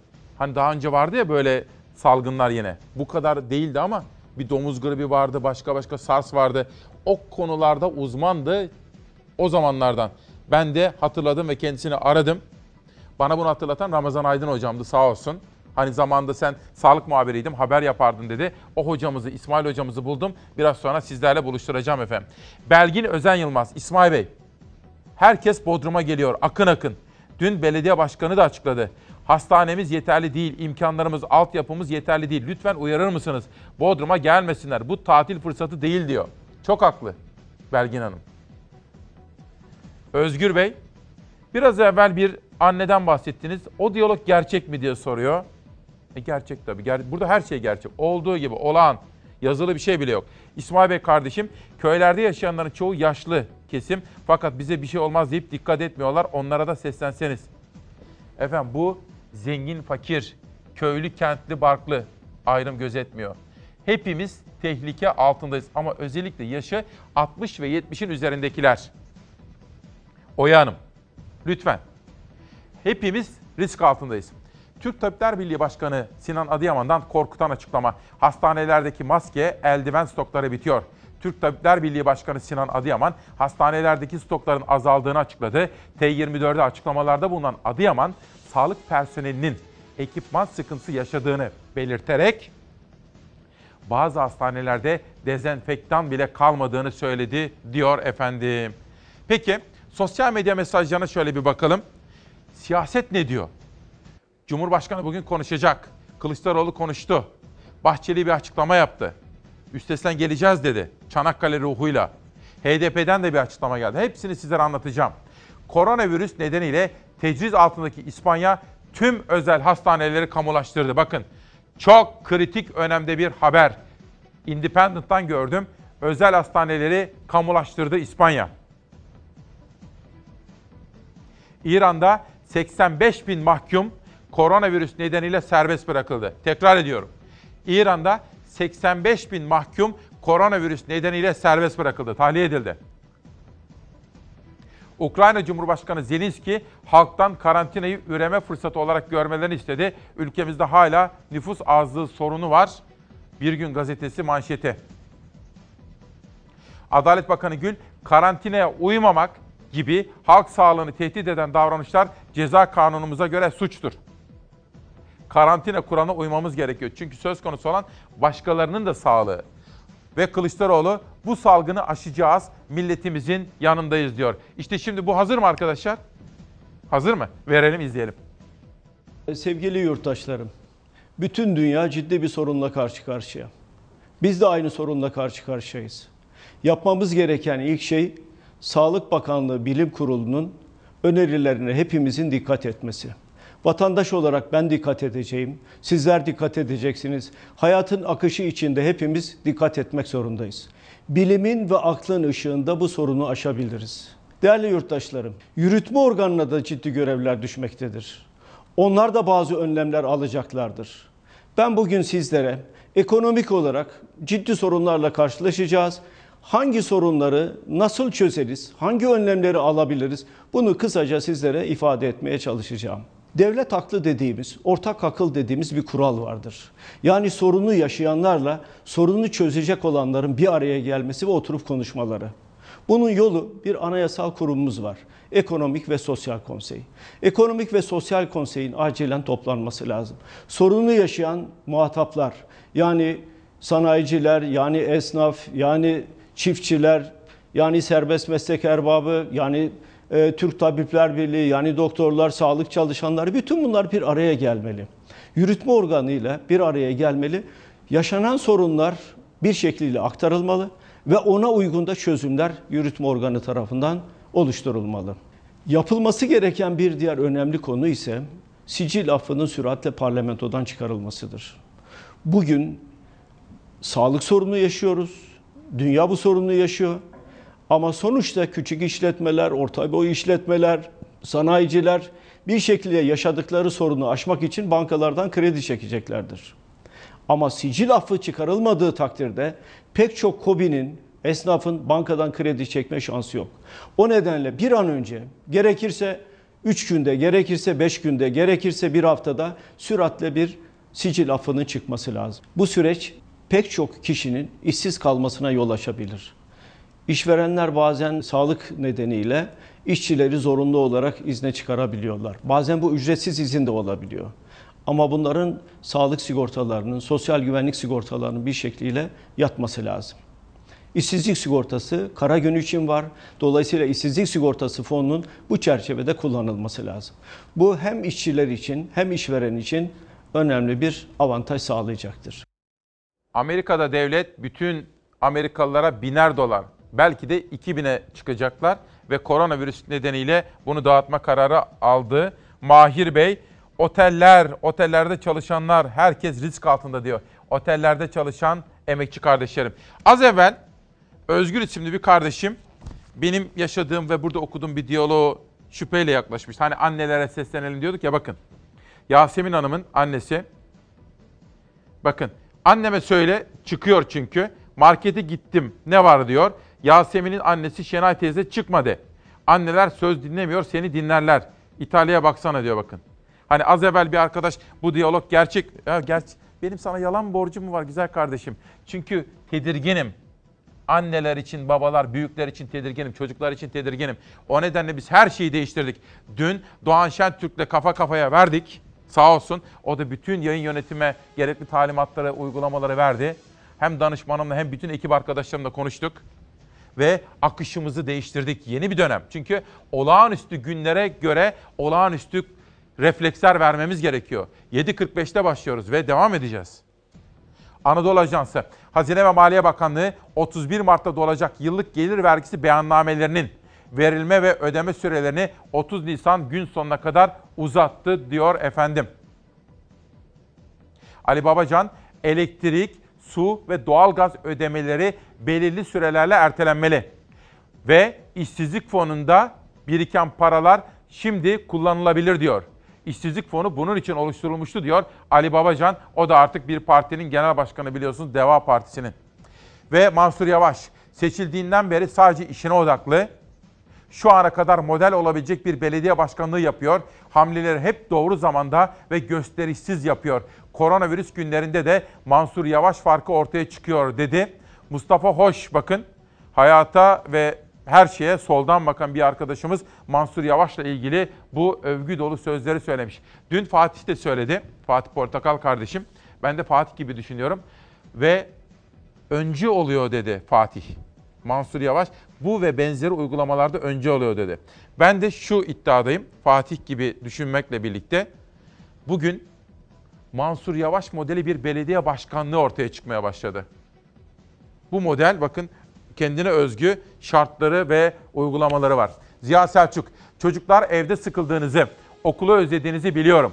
Buradan söz olsun okula döndüğünüz ilk günün ilk teneffüsünü o güne özel olarak 40 dakika yapacağız diyor efendim. Bu arada Enver Yücel dün sordum. Dedi ki A, B, C, D bütün seçeneklerimiz hazır. Milli Eğitim Bakanlığı tedbirli. Bizler de özel okullarda buna göre hazırlıklarımızı yaptık. Belki de sezon kapanabilir bu şekilde. Ama dünyada nasıl ki uzaktan eğitim yapılıyor, bizde de yapılabilir. Gerekli altyapılar var. Sınavları sordum. Sınavlar yapılacak ama dedi onlar geçmeyi kalmayı etkilemeyecekler. Peki dedim büyük sınavlar Milli Eğitim ve YÖK bu konuda hazırlıklarını sürdürüyorlar dedi. Yani ez cümle eğitimciler diyor ki kaygılanmaya gerek yok çocuklarımız için. Devam edelim. Zafer Söken bizden bir arkadaşımız. Yıl 2009. Türkiye'de domuz gribi salgını. Son durum 12.316 vaka, 458 ölüm. Şimdi bizim Zafer Söken çok akıllıca geçmişte yaşadığımız bir salgını bize hatırlatıyor. Bunu ben biraz sonra konuğuma soracağım. Konuğum huzurlarınıza gelmek üzere efendim. Arkadaşlarım beni uyarıyorlar şimdi. Devam edelim. Bu işin şakası yok dedik. Ne yapıyoruz başka? Efendim bir de HDP'nin yeni eş genel başkanı Vitas Sancar bu konuda bir açıklama yaptı. İzleyelim. Tehlikenin ne kadar büyük olduğunu artık hepimiz biliyoruz. Gerçekten herkes tehdit altında. Yani bütün insanlık tehdit altında. Tam da böyle zamanlarda siyasetteki o kavgacı dilin ne kadar yalan olduğunu daha iyi görebiliyoruz. Siyasetin amacı halka, topluma hizmet olmalı, insanlığa hizmet olmalı. Şimdi kavga zamanı değil, ortak yanlarımızı öne çıkarma zamanı. Bu büyük tehditle birlikte nasıl baş edebileceğimizi düşünme zamanı. Bunun için de hızla hareket etme mecburiyetimiz var. Elimizden geleni yapma görevimiz var. Bu salgına karşı en çok önerilen tedbir toplu yerlerde bulunmamaktır. Hatta evlerden çıkmamamız da öneriliyor. Tabii ki bunlar ciddi öneriler ve bu tedbirlere de mutlaka uymamız lazım. Fakat evlere kapanmamız yalnızlaşmamız anlamına gelmemelidir.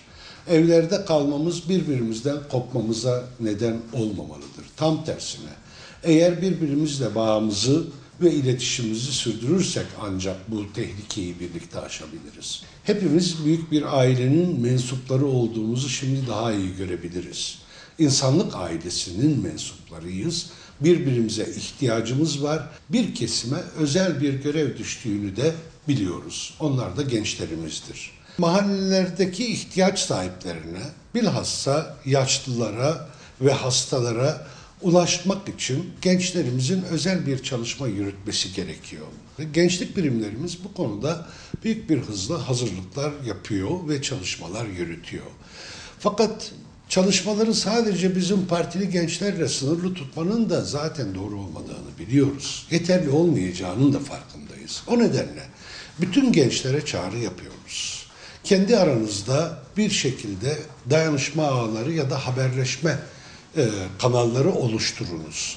Bu kanallar üzerinden ihtiyaç sahiplerine, zayıflara nasıl yardım edebileceğinizi tartışınız. Bu konuda bize ne düşerse yapmaya hazır olduğumuzu da bilmenizi isteriz. Yaşlılar, hastalar, yalnız yaşayanlar, evsizler, göçmenler, sığınmacılar özel risk gruplarını oluşturuyorlar. Efendim bakın vergi vermek, ödemek için falan dışarı çıkmanıza gerek yok. Diyor ki İsmail Bey umarım iyisiniz. Ben Gelir Uzmanları ve Yardımcıları Derneği Genel Başkanı Ömer Ali Şenol. Lütfen dikkatle takip ediniz. Halkımızın vergisel yükümlülüklerini yerine getirmek için evinden çıkmasına gerek yok. İnteraktif vergi dairesi sistemini kullanarak internet üzerinden evlerinden hızlı, kolay ve güvenilir şekilde vergi yükümlülüklerini yerine getirebilirler. Ayrıca Nisan ayı sonuna kadar gelir vergisi için süreler uzatıldı. Evden dışarıya çıkmayınız. Tapu dairelerine, vergi dairelerine gitmek durumunda değilsiniz. Bakın uzmanı da bize hatırlatıyor. Bugün 18 Mart. Çanakkale ruhu. Biz pes etmeyiz. Ayrım gözetmeksizin hepimiz güzel bir halkız. Sadık Başkaya Çanakkale günlüğüm. Çocuklarımıza değerlerimizi öğreteceğiz. Değerlerimiz ve görgü, disiplinler arası. Mavi Bilge'den gelmiş. Doktor Ümit Aktaş, yaşam sevinci ve imzalayarak bana göndermiş. Kendisine çok teşekkür ediyorum. Bu arada aklıma da geldi. Efendim yeni yayın akış programımıza göre olağanüstü dönemlerden geçiyoruz ya. Bizim programımız 7.45'te başlayacak. Sonrasında da uzayacak ve Çağla Şikel'in programı bizim programdan hemen sonra başlayacak. Süreleri böyle yarımşar saat biraz kaydırma yaptık. Sebebini zaman içinde sizlere anlatacağım efendim. Bu işin şakası yok dedim. Bir de, aa pardon bir dakika. Dün sizlere anlatmıştım ya, Sağlık Bakanı da paylaşmıştı. Doktorlar, her biri birer mucize. Tüm dünya gibi ülkemiz de koronavirüs ile mücadele ediyor. Dünyayı saran bu sorunla mücadele ederken dikkate almamız gereken bazı önlemler var. İşte tüm Türkiye'yi koronavirüsün yayılmasından koruyacak 14 kural. Koronavirüsle mücadelede en etkili 14 kuralı mucize doktor Ali Vefa anlattı. Hijyen kurallarına kendine has üslubuyla dikkat çekti. Ellerinizi sık sık su ve sabun ile en az 20 saniye boyunca ovalayarak yıkayın. Öksürme ve hapşırma sırasında ağzınızı, burnunuzu tek kullanımlık mendille kapayın. Mendil yoksa dirsek içini kullanın. Ellerinizle gözlerinize, ağzınıza ve burnunuza dokunmayın.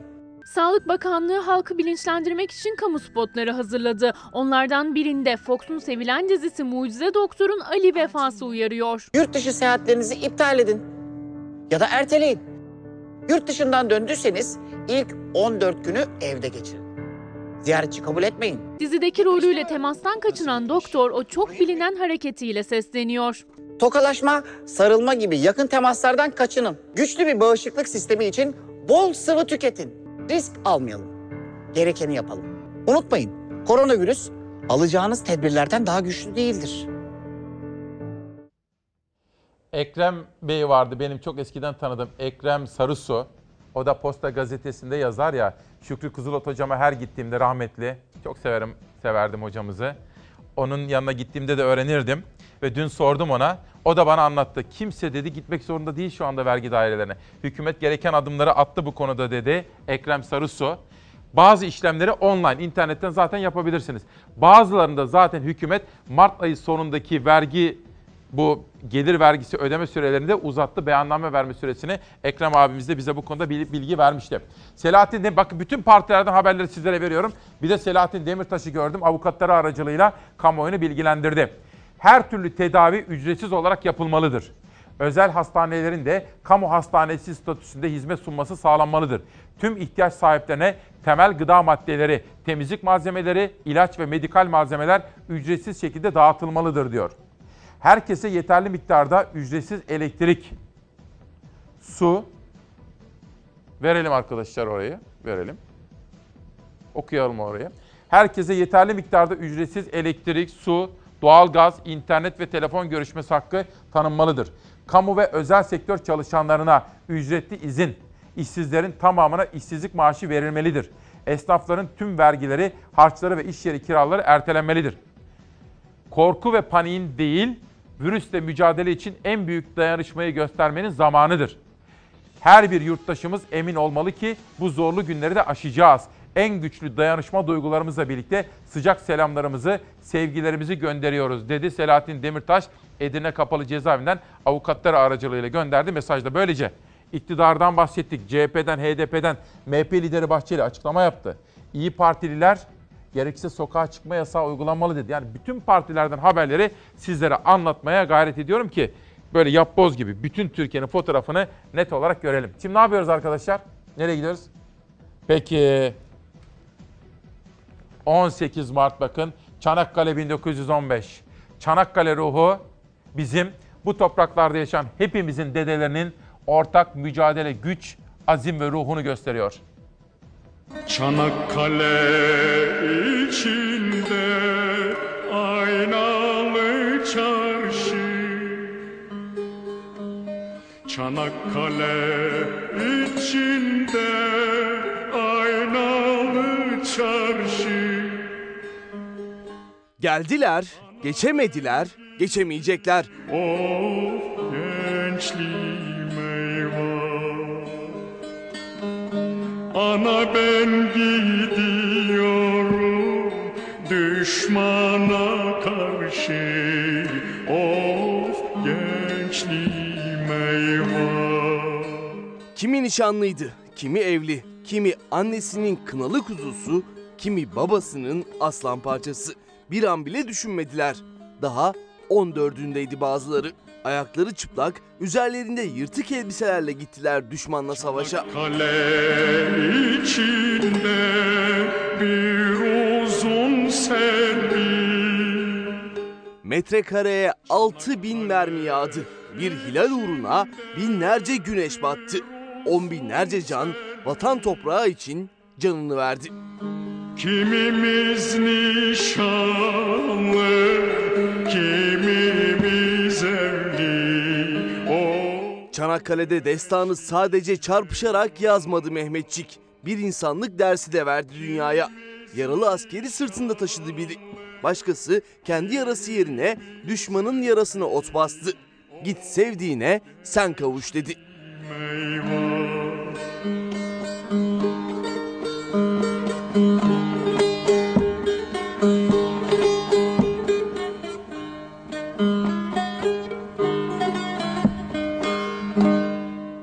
Aç kaldılar, kuru ekmek yiyebildikleri gün şükrettiler.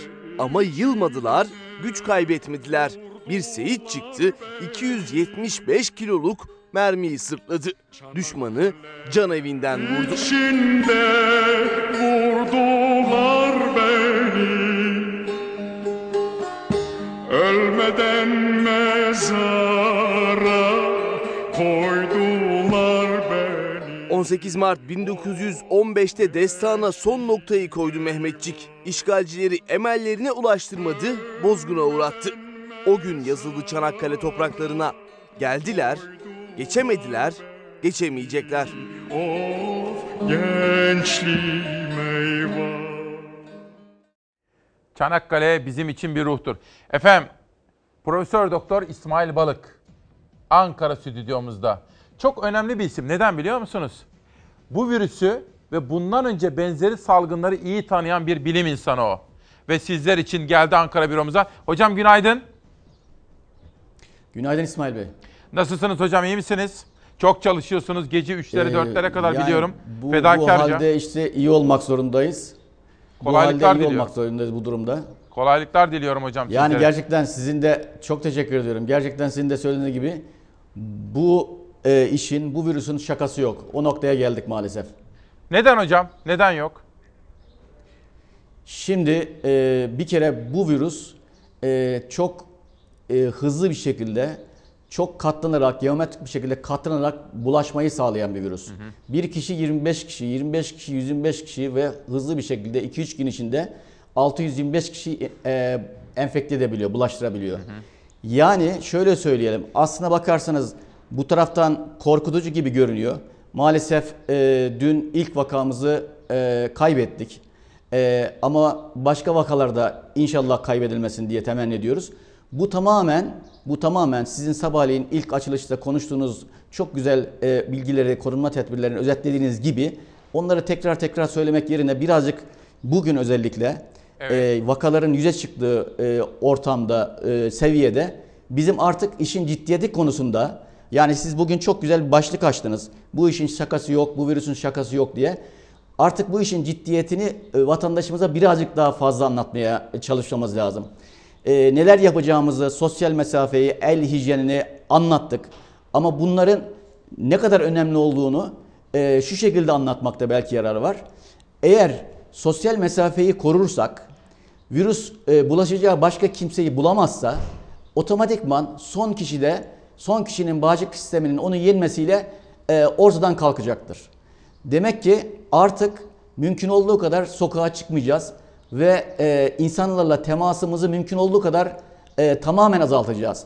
Eğer bir insanla te- e, temas edeceksek e, aramızda işte sosyal medyada ve ekranlarda e, birbirini ateşleyen yanan e, kibrit çöpü dizisinde nasıl bir kibrit çöpünü geri çektiğinizde e, ateş sönüyorsa sosyal mesafeyi e, uzattığımızda yani e, birbirimizin arasında bir buçuk iki metre mesafe bıraktığımızda kesinlikle ve kesinlikle virüs başkasına bulaşamayacaktır. Eğer duyarlı davranmazsa bir kişi yani sosyal mesafeyi yakınlaştırırsa kendini bir tür katil gibi görsün lütfen. Yani bu kadar radikal konuşmak zorundayım daha iyi anlaşılsın Lütfen, diye. lütfen. Neden? Be- belki bu kişi en sevdiği kişiye virüsü bulaştırıp onun ölümüne sebebiyet verebilir. Ya da tanımadığı tamamen masum tabiri caizse bir kişiyenin ölümüne sebebiyet verebilir. Neden? Sosyal mesafeyi korumazsa. Herkes artık bugünden itibaren kendini enfekte olmuş, bu virüsü taşıyan bir kişi gibi görsün tabiri caizse. Ve e, başkasına hastalığı bulaştırım, bulaştırabilirim duyarlılığını göstersin. Bugüne kadar ne diyorduk? Yurt dışından gelenler, yurt dışı temaslı olanlar bunlara çok dikkat etsin. Bunlarla temasımızda özen gösterelim diyorduk. Artık bugünden itibaren bana göre yerli vakada görülmeye başlayacaktır. Belki de yerli vakalar aramızda dolaşmaya başladı. Bunun analizlerini Sağlık Bakanlığı'ndaki ortak akıl diyebileceğim kurulda yapıyorlar. Yapmaya e, devam ediyorlar. E, eğer yerli vakaların sayısının fazla olduğu e, değerlendirmesi yapılırsa şu an zaten e, bir takım e, olağanüstü tedbirler almış durumdayız. Ülke olarak çok da doğru yapıyoruz. E, herkesten de önce yaptık. Bugüne kadar çok güzel şeyler yaptık gerçekten. En azından bu aldığımız tedbirlerle bize e, virüsün e, girişi geciktirildi. Bu konuda başta Sağlık Bakanı olarak tüm görevlileri gerçekten uzun süre çalışan e, başta bilim kurulu e, üyesi arkadaşlarımız ve tüm sağlık personelini e, ben açıkçası takdir etmek istiyorum. E, biz e, uzun süreden beri hastalık hatta Çin'de görüldüğü andan itibaren hastanelerimizde bir tür seferberlik ilan ettik. Geçmiş salgınlardaki tecrübelerimizi kullanarak hastanelerimizdeki altyapıyı bu salgına hazırlar hale getirdik. Hem çalışanlarımızı hem de altyapıyı. Hocam bir şey soracağım. Ee, odalarımızı organize ettik. Buyurun. Bu, bu neden çok tehlikeli? Bir kere hızlı yayılıyor ama buna yakalandıktan sonrasını da birazcık anlatır mısınız? Niye tehlikeli? Şimdi efendim yakalandıktan sonra hep söyleniyor. Ee, özellikle risk gruplarında e, virüs ölümcül seyir gösterebiliyor. Kimler risk grupları? Bunlar hep söylendi ama tekrar etmekte yarar var.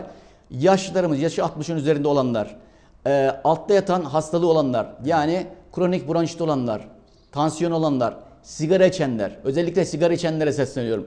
Bugünden itibaren hemen sigarayı bırak, bırakın ve sigaradan uzaklaşın. Sigara içenlerde ölümcül seyretme e, riski çok çok yüksek. 8-10 kattan daha fazla yüksek. Böbrek hastalığı olanlar, şeker hastalığı olanlar e, bunlar risk grubunu oluşturuyor. Virüs aslında bunlarda daha ağır seyrediyor.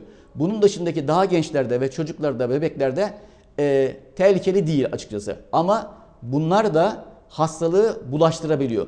Bu açıdan baktığımızda yine bugünden itibaren riski yüksek olan yani ölümcül seyretme riski yüksek olan kişilerden e, özellikle e, toplum içine daha fazla çıkmış olan e, gençlerimizin daha uzak durması gerekiyor.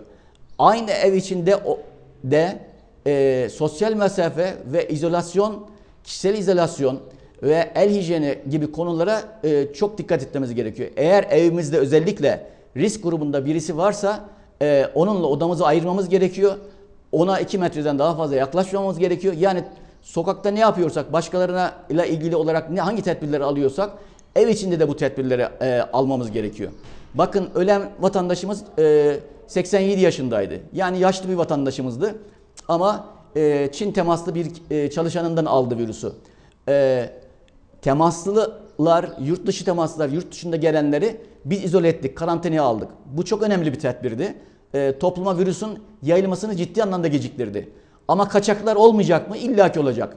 Yurt dışından gelenlerden olsun ya da onlarla temaslılar bir şekilde topluma karışıp e, yerli vaka dediğimiz e, yerli vaka dediğimiz e, vakaların e, sayısının artmasına sebep olacaklar.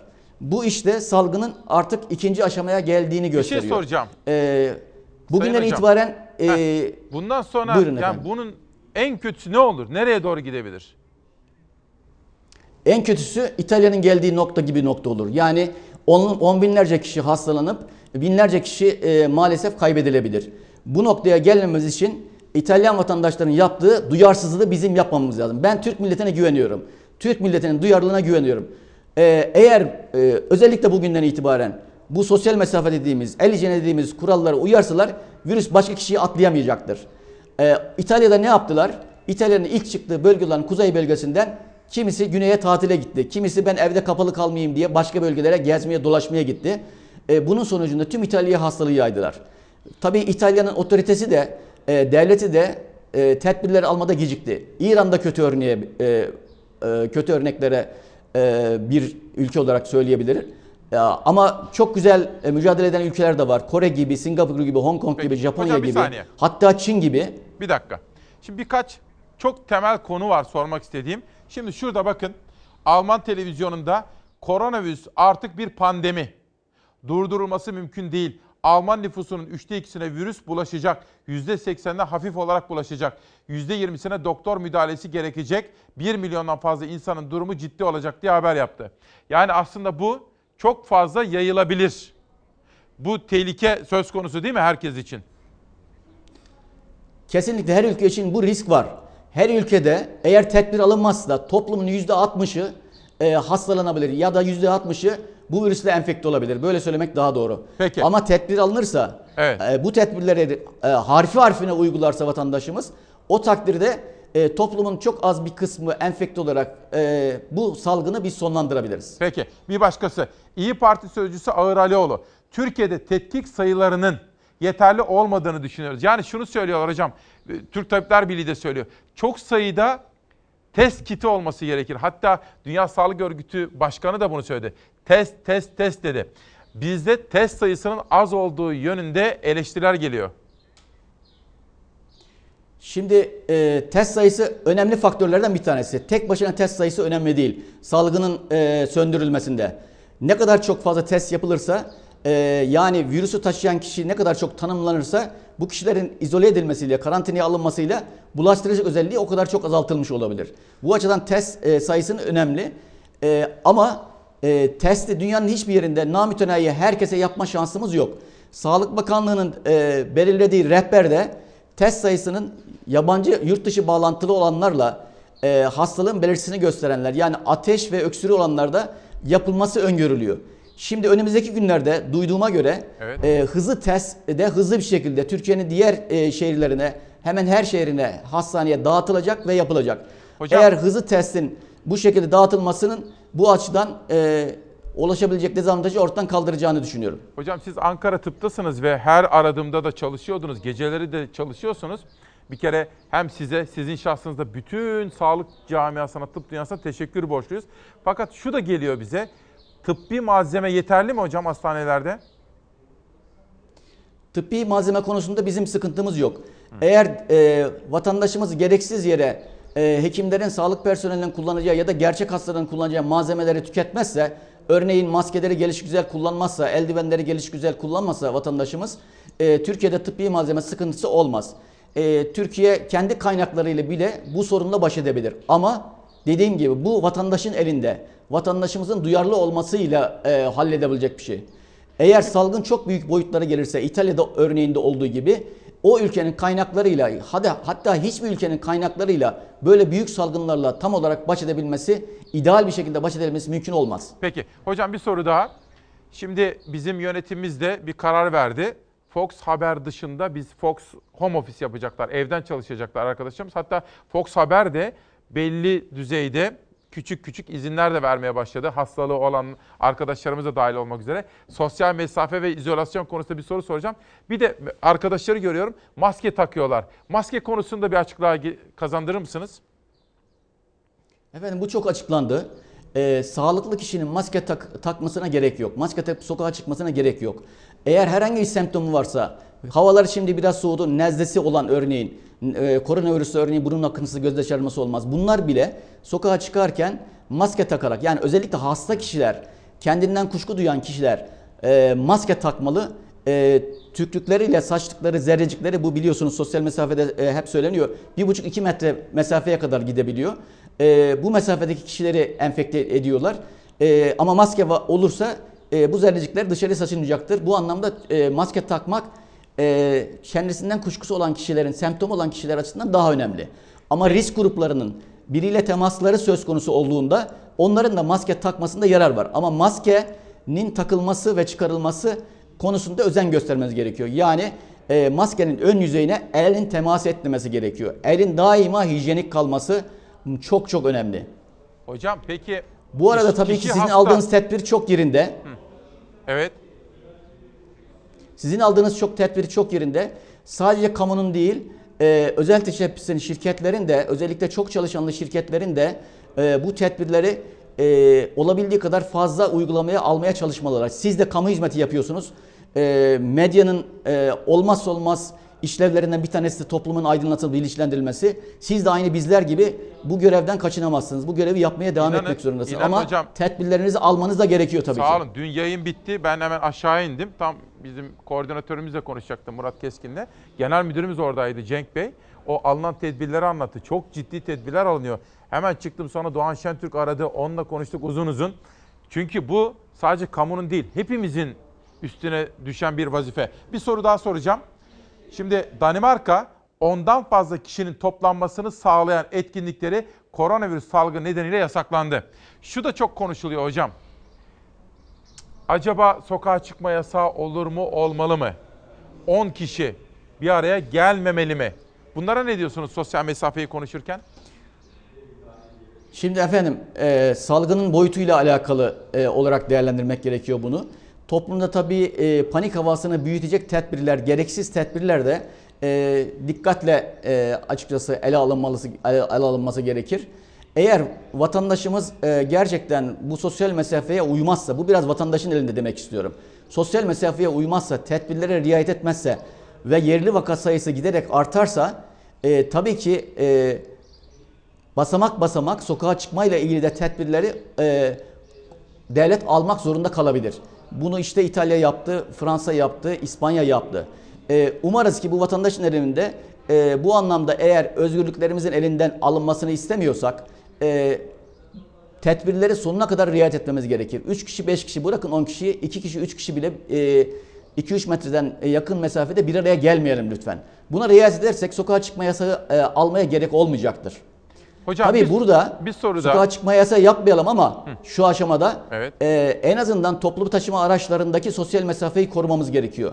Eğer gerekiyorsa da dediğim gibi bugünkü yapılan toplantılarda, yarınki yapılan toplantılarda vakaların analizi yapıldıktan sonra bu kararın alınması e, gerekir, bu kararların alınması gerekir. Yani tedbirleri daha rigid hale, daha sert hale getirelim mi, getirmeyelim mi diye. E, o takdirde mesela AVM'lerin de kapatılması, restoranların da kapatılması, e, toplu taşıma araçlarının e, dediğim gibi e, az sayıda kişinin binmesi ve mesafelerin uzak e, tutulması, belli sayıdan kişinin fazla kişinin araçlara, e, otobüslere, e, dolmuşlara ya da metroya alınmaması gibi tedbirler ile başlayıp daha da e, sertleştirilebilir bu tedbirler. Bunu tabii dediğim gibi enfeksiyonun, e, salgının seyri e, ve vatandaşın alacağı tedbirlere uyup uymaması gösterecek. Hocam bir de biraz bir reklam molası vermek istiyorum izin verirseniz. Güncellemek istiyorum bilgilerim ama sizi biraz daha tutmak istiyorum. Çocuklarımız var. Okullar tatil oldu. Çocuklar oku, evlerde. Çocuklarımız ne yapmalı? Anne babalar işe gidiyor. Sonra eve geliyorlar. Peki bir taraftan büyük anne, büyük babalar var. Şimdi bütün bunları da biraz konuşmak istiyorum. Ama izin verirseniz bizim tek bağımsızlığımızın teminatı reklamlar. Reklamları izleyelim. Daha sonra sohbetimize çocuklarımız eğitim konusunda devam edelim. Evet efendim bizden ayrılmayınız. Sohbetimiz devam edecek. Programımız uzadı. Bundan böyle daha uzun program yapacağız. 18 Mart 2020 günlerden çarşamba İsmail Küçükkaya ile Demokrasi Meydanı'ndasınız. Korona günlerinde habercilik yapacağız. Kamu sağlığı açısından çok önemli dönemlerden geçmekteyiz. O nedenle bütün akışımız değişti. Saat 10'da sizlerle vedalaşmayacağım. Devam edeceğiz. Ankara stüdyomuzda Ankara Tıp Fakültesinden çok kıymetli bir hocamız var. Ramazan Aydın hocama da arada teşekkür ettim. O tavsiye etti. Sağ olsun var olsun. İsmail Balık hocam bir kere daha günaydın. Sizlere çok sayıda sorular geldi. Günaydın İsmail Bey. Sorularımızdan bir tanesi eğitim. Çocuklarımız şu anda evde ama onların anneleri babaları işe gidiyor. Ayrıca büyük anneler, büyük babalar var. Bu kapsamda sizlere bir soru soracağım. Ama önce gece yarısında çok üzüldük. Sosyal medyada büyük infial yarattı. Çünkü siz bilim insanlarının ve bizzat Sayın Sağlık Bakanı'nın da ifade ettiği gibi ayrım gözetmeksizin her birimizin bu uyarılara dikkat etmesi gerekiyor. Bir haber var. Sosyal medyanın bir numaralı konusu oldu ve özellikle ortaya çıkan manzara ve infialden sonra hem İçişleri Bakanı hem de Adalet Bakanı bir açıklama yaptı. Haberi izleyelim, gecenin manşeti, sonra sizinle eğitimi konuşalım. Nereye gidiyor hanımefendi? Nereye gidiyor? Nereye gidiyorsunuz? Sizin isminiz nedir? Burada ihmal kabul edilemez. Kimseye ayrıcalık tanınamaz. Tarafımızca araştırılıp sorumlular tespit edilip gereği yerine getirilecektir. Vatandaşlarımız müsteri olsunlar. Evet kaçırın. Kimin çocuğuysa kızıysa Fransa'dan gelen iki yolcunun karantina otobüsünden alınması olayıyla ilgili olarak hukuk gerekeni yapacaktır. Bu konuda hiçbir taviz, hiçbir istisnai muamele kabul edilemez. Fransa'dan gelen iki yolcu karantina otobüsünden alındı, polis aracına bindirildi. Karantinaya alınan yolcular isyan etti. O isyanı hem İçişleri Bakanı hem Adalet Bakanı hem de savcılık duydu. Savcılık soruşturma başlattı. hangi hani karantina? Hanımefendi nereye gidiyor? Açıklar mısınız? Paris'ten kalkan Türk yolcuları taşıyan yolcu uçağı gece saatlerinde İstanbul'a geldi. Sağlık Bakanlığı'nın kararı doğrultusunda yolcular 14 gün karantinada tutulacaktı. Yolcuları taşıyan otobüsü polis durdurdu ve önce bir yolcu otobüsten indirildi. Yanlış şu an Kimseyi alamazsınız. Otobüstekiler ne olduğunu anlayamadı önce. Gözaltına alma işlemi değildi yapılan ve o anları videoya kaydedip sosyal medyada paylaştılar. Evet kaçırın. Kimin çocuğuysa kızıysa Fransa'dan gelen iki yolcu Kıbrıs aktarmalı olarak uçağa bindirilmiş ancak son gelen yolcularla ilgili böyle bir transit uygulamamız yok. Yanlış yapılan bu biniş işlemiyle ilgili gereği yapılıyor. Videonun paylaşılmasıyla İçişleri Bakanı Süleyman Soylu hemen talimat verdi. İhmalin kabul edilemez olduğunu söyledi. Gereği yapılacak dedi. Adalet Bakanı Abdülhamit Gül de kimseye istisnai muamele yapılamaz dedi. Karantinaya götürülen yolcuları taşıyan otobüsten inen bir yolcu ve yine onun gibi Kıbrıs aktarması olan ikinci yolcu karantinaya alındı. 14 gün karantina altında kaldıktan sonra Kıbrıs'a gönderilecekler. Kanun önünde herkes eşittir. Olayın takipçisiyiz. Yaşanan olay sonrası İstanbul Gazi Osman Paşa Cumhuriyet Başsavcılığı harekete geçti. Başsavcılık karantina tedbirlerine aykırı davranılması suçundan soruşturma başlattı. Ve çok kıymetli hocamız Ankara Tıp'tan Profesör Doktor İsmail Balık. Hocam dehşete kapıldık. Ne diyorsunuz? Nasıl yorumluyorsunuz? Şimdi hatırlarsanız ben e, konuşmaya ilk başladığımda duyarsız davranan kişilerin e, tabiri caizse kendilerine bir katil gibi görmeleri ve bu sorumluluk içinde hareket etmelerini söylemiştim. Birazcık irrite edici belki konuşmaydı ama bunu bilinçli olarak yaptım. Bu videoyu sosyal medyada ben de gördüm çünkü. E, buna benzer örnekler e, başka ülkelerde de görüldü. Mesela Kore'de çok çarpıcı bir örnek yayınlandı. Bir kişinin e, bile bile kiliseye giderek karantinadan kaçarak yaklaşık 1500-1600 kişiyi enfekte ettiği ve enfekte ettiği kişilerden de bazılarının öldüğünü e, biliyoruz. Bu net bilinen Hayır, bir e, yapıyor. bilgi, açıklanmış bir bilgi. O yüzden ben e, boşa söylemedim.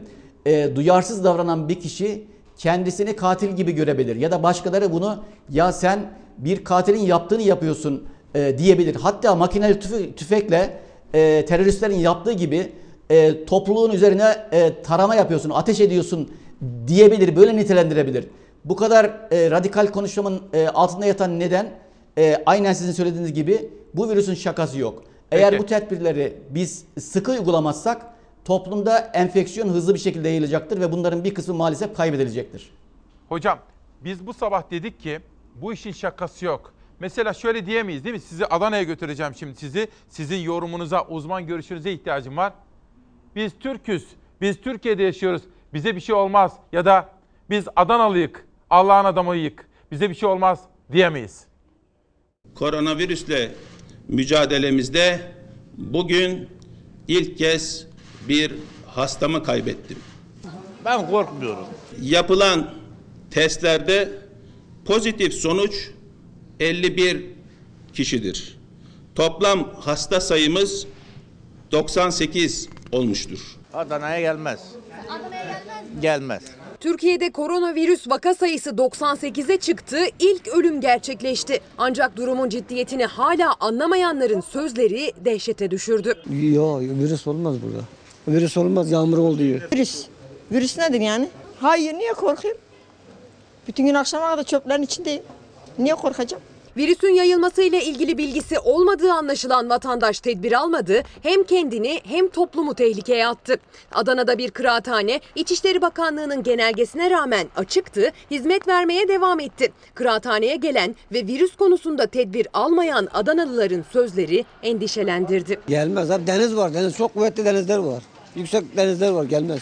Tedbir almamak, hijyen kurallarına dikkat etmemek, evde kalmamak. Bu ve benzeri ihmallerin tamamı sadece kişinin kendisini değil, içinde bulunduğu toplumun tamamını tehlikeye sokuyor. En başta da birinci derece risk grubunda olanları. Salgına dönüşmesi dünyada olduğu gibi ülkemizde de ihtimal dahilinde olan ve ciddi riskler içeren bu hastalığa karşı set çekmenin yolu tedbir almaktır. Herkesi tedbirlere harfiyen uymaya davet ediyorum. İhmalin dehşete düşüren görüntüsü Diyarbakır'dan da geldi. Güneşli gökyüzünü gören Diyarbakırlılar park ve bahçeleri doldurdu. Resmi kurumların kapatılması, kapanması yeterli olmadığı görülüyor. E, niyetinde havaların e, sıcak olması, havaların güzel olması, bireylerin e, dışarı çıkıp da e, tatil mahiyetine dönüştürmesi e, e, bizim zararımıza olan bir yaklaşım tarzıdır. Banka sıralarında, sokaklarda, parklarda toplu halde bulunan Diyarbakırlılar virüsün yayılmasına davetiye çıkardı. Ben dışarı çıkarsam benim toplumda ki e, insanlara zararım ne olur? E, bunu düşünerekten insani olarak da kendimizce bazı tedbirler almalıyız. Tedbirli olmanın gerekliliğini fark edenler de yok değil Diyarbakır'da. Ancak önlemler hep beraber dikkat edildiği sürece anlamlı. Evet hocam şimdi biz tabii dehşet içindeyiz. Peki biz insanımıza bunun ne kadar tehlikeli olduğunu, nüfusumuzun %60'ına bulaşabileceğini, Allah muhafaza ama bir salgına dönüşürse bunun ne kadar büyük bir kamu sağlığı riski taşıdığını nasıl anlatacağız? İşte böyle konuşarak sizlerin e, bu görüntülerini e, bol bol bugünlerde yayarak e, vatandaşı uyarmamız gerekiyor. Eğer buna rağmen uymayanlar varsa bunun cezai müeyyidesi olması gerekir. Hıfza yasası da e, bu tedbirlere uymayanlara, devletin aldığı e, bulaşıcı hastalıklarla ilgili tedbirlere uymayanlara cezai müeyyide 2 aydan 2 seneye kadar hapis cezası ve bazı hallerde para cezası öngörüyor. Bunu dün hukukçularımız da açıkladılar. Ben de az çok biliyorum hıfza yasasını. Adalet Bakanı da E, bu söyledi hocam. Dedi ki bunun bunun cezai müeyyidesi var dedi. Kesinlikle e, olmalı. Yani bu bu şekilde duyarsız davranan e, vatandaşlara cezai müeyyide e, yaptırım yaptırımı etkili olacaktır diye ben düşünüyorum. Peki. E, hatta bunu yapanların yakalanıp e, tabiri caizse cezasının verildiğinin deklar edilmesi medya önünden e, diğer duyarsız vatandaşlarımız üzerinde etkili olacaktır diye düşünüyorum. Hocam, yani bir bu soru- söylediklerimiz e, eğer Buyurun, buyurun lütfen. dinliyorum efendim sizi. Hocam bir soru var. Ee, ne oldu da nasıl oldu da bu virüs ortaya çıktı? Ümit Eraslan soruyor. Nereden çıktı? Efendim artık şu komplo teorileriyle e, alakalı eğer bu sorulu soruda bu kastediliyorsa e, noktayı geçmiş durumdayız. Bu açıkçası bizi şu anda ilgilendiren bir durum değil. E, ama şunu söyleyeyim ben bir e, bu işle uğraşan bilim adamı e, olarak e, insanoğlunun doğaya çok fazla müdahale etmesi, doğanın içine çok fazla girmesi, doğada yaşayan vahşi hayvanlarla çok fazla haşir neşir olması geçmişte de olduğu gibi e, şu anki e, tabloda e, işte Sars'da, Mersin'de, e, Eys'de e, bunları gördük. Hep e, doğadaki vahşi e, hayvanların alanına e, insanoğlunun girmesiyle insanlara bulaşması sonucu bu salgınlar yayıldı. Çünkü vahşi de örneğin e, koronavirüs e, yarasalarda e, bulunan ve yarasalarda hastalık yapmayan, yarasalar bildiğimiz gibi e, doğada kendi başına yaşarlar. İnsanların bulunduğu ortama e, girmezler. E, dolayısıyla e, insanlar yarasaların bulunduğu ortamlara girdikçe oradan insanlara işte Çin'deki Peki. o vahşi hayvan pazarını biliyorsunuz. Oradan çıktığı ilgili ilgili e, teori büyük olasılık diye e, görülüyor, görmek gerekiyor.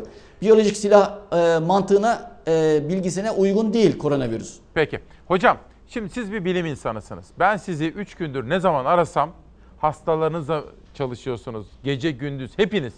Şimdi Sağlık Bakanı öyle, bilim kurulu öyle, bütün doktorlar, hemşireler, bütün sağlık çalışanlarına ne kadar teşekkür etsek azdır.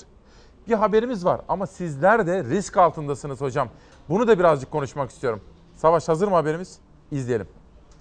acil veya polikliniğe gelen hiçbir hastamızı asla geri çevirmek noktasında bir yaklaşım içinde olmayız, olamayız. ADSM'lerde 10 dakikada bir MRS randevuları var. Dolayısıyla bu kadar yoğun bir ortamın olduğu çalışma alanlarında enfeksiyonun yayılması en büyük risklerden bir tanesi. Sağlık çalışanlarını korumadan toplumun sağlığını koruyamazsınız. Her temas hastalık riski. Türkiye koronavirüsüyle savaşırken o mücadelenin kahramanları, izinleri iptal edilen, gece gündüz en ön safta çalışan sağlık çalışanları için meslek örgütleri bayrak açtı. Çünkü en çok da onlar risk altında. gerekli olan ama aciliyeti olmayan e, tedaviler için olan randevuların ertelenmesi ve e, 1400-1500 hasta bakılan ortamlara bu hastalarımızın yığılmasını önleyecek bu tedbirin çok çok daha önce alınmasını isterdik. Bazı üniversite hastaneleri acil olmayan ameliyatlarla birlikte muayene randevularını dahi iptal etti. Devlet hastanelerinde ise ziyaretçi kısıtlaması getirildi. Kamuda kronik hastalığı olanlara, engellilere ve hamile çalışanlara verilen idari izin hakkı ise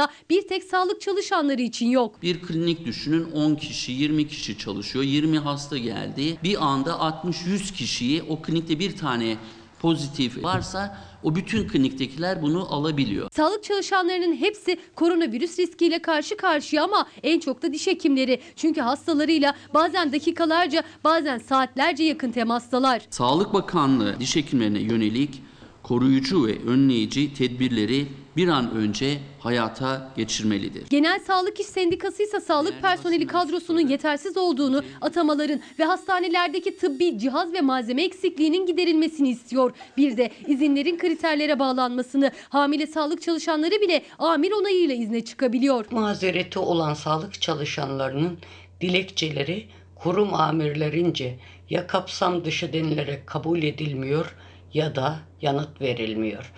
Sağlık Bakanı'nın bu yazısı derhal geri çekilmelidir. yorgun, argın bir şekilde toplu taşımaya, metroya binmesi, araba kullanması yerine dezenfekte edilmiş servislerle hızla evlerine ulaştırılmalı. Bunların hiçbirisinin yapılamadığı durumlarda taksi giderleri fatura karşılığında bu salgın boyunca ödenmeli. CHP'de sağlık çalışanları için 6 maddelik önerisini sıraladı. Türk Tabipleri Birliği ve diğer risk grubu eczacıların temsilcisi Eczacılar Birliği'nin bilim kurulunda yer almasını istedi. Diş hekimleri de aynı talebi dile getirdi.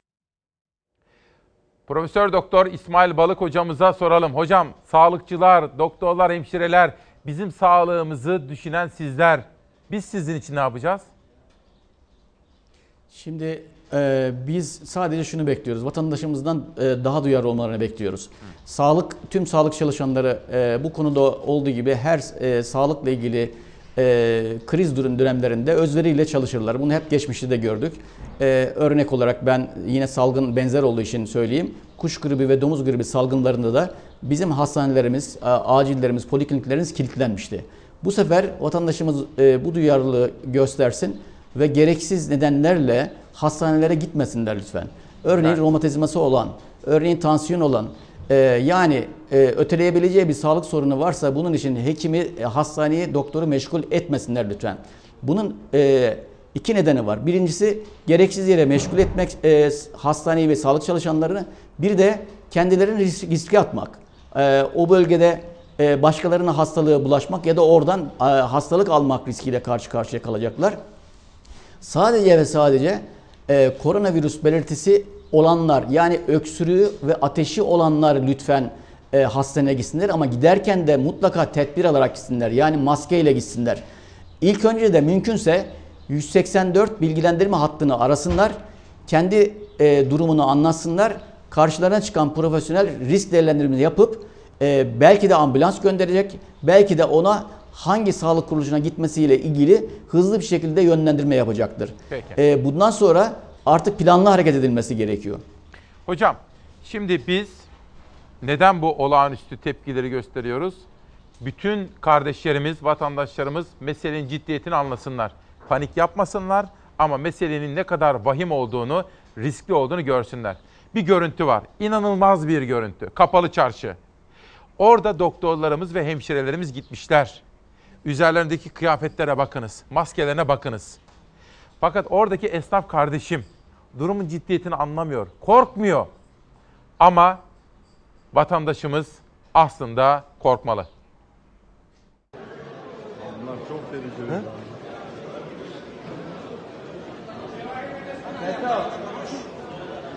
Cevahir Belediyesi'ne gidiyorlar. Abi Cevahir Belediyesi'ne gidiyorlar.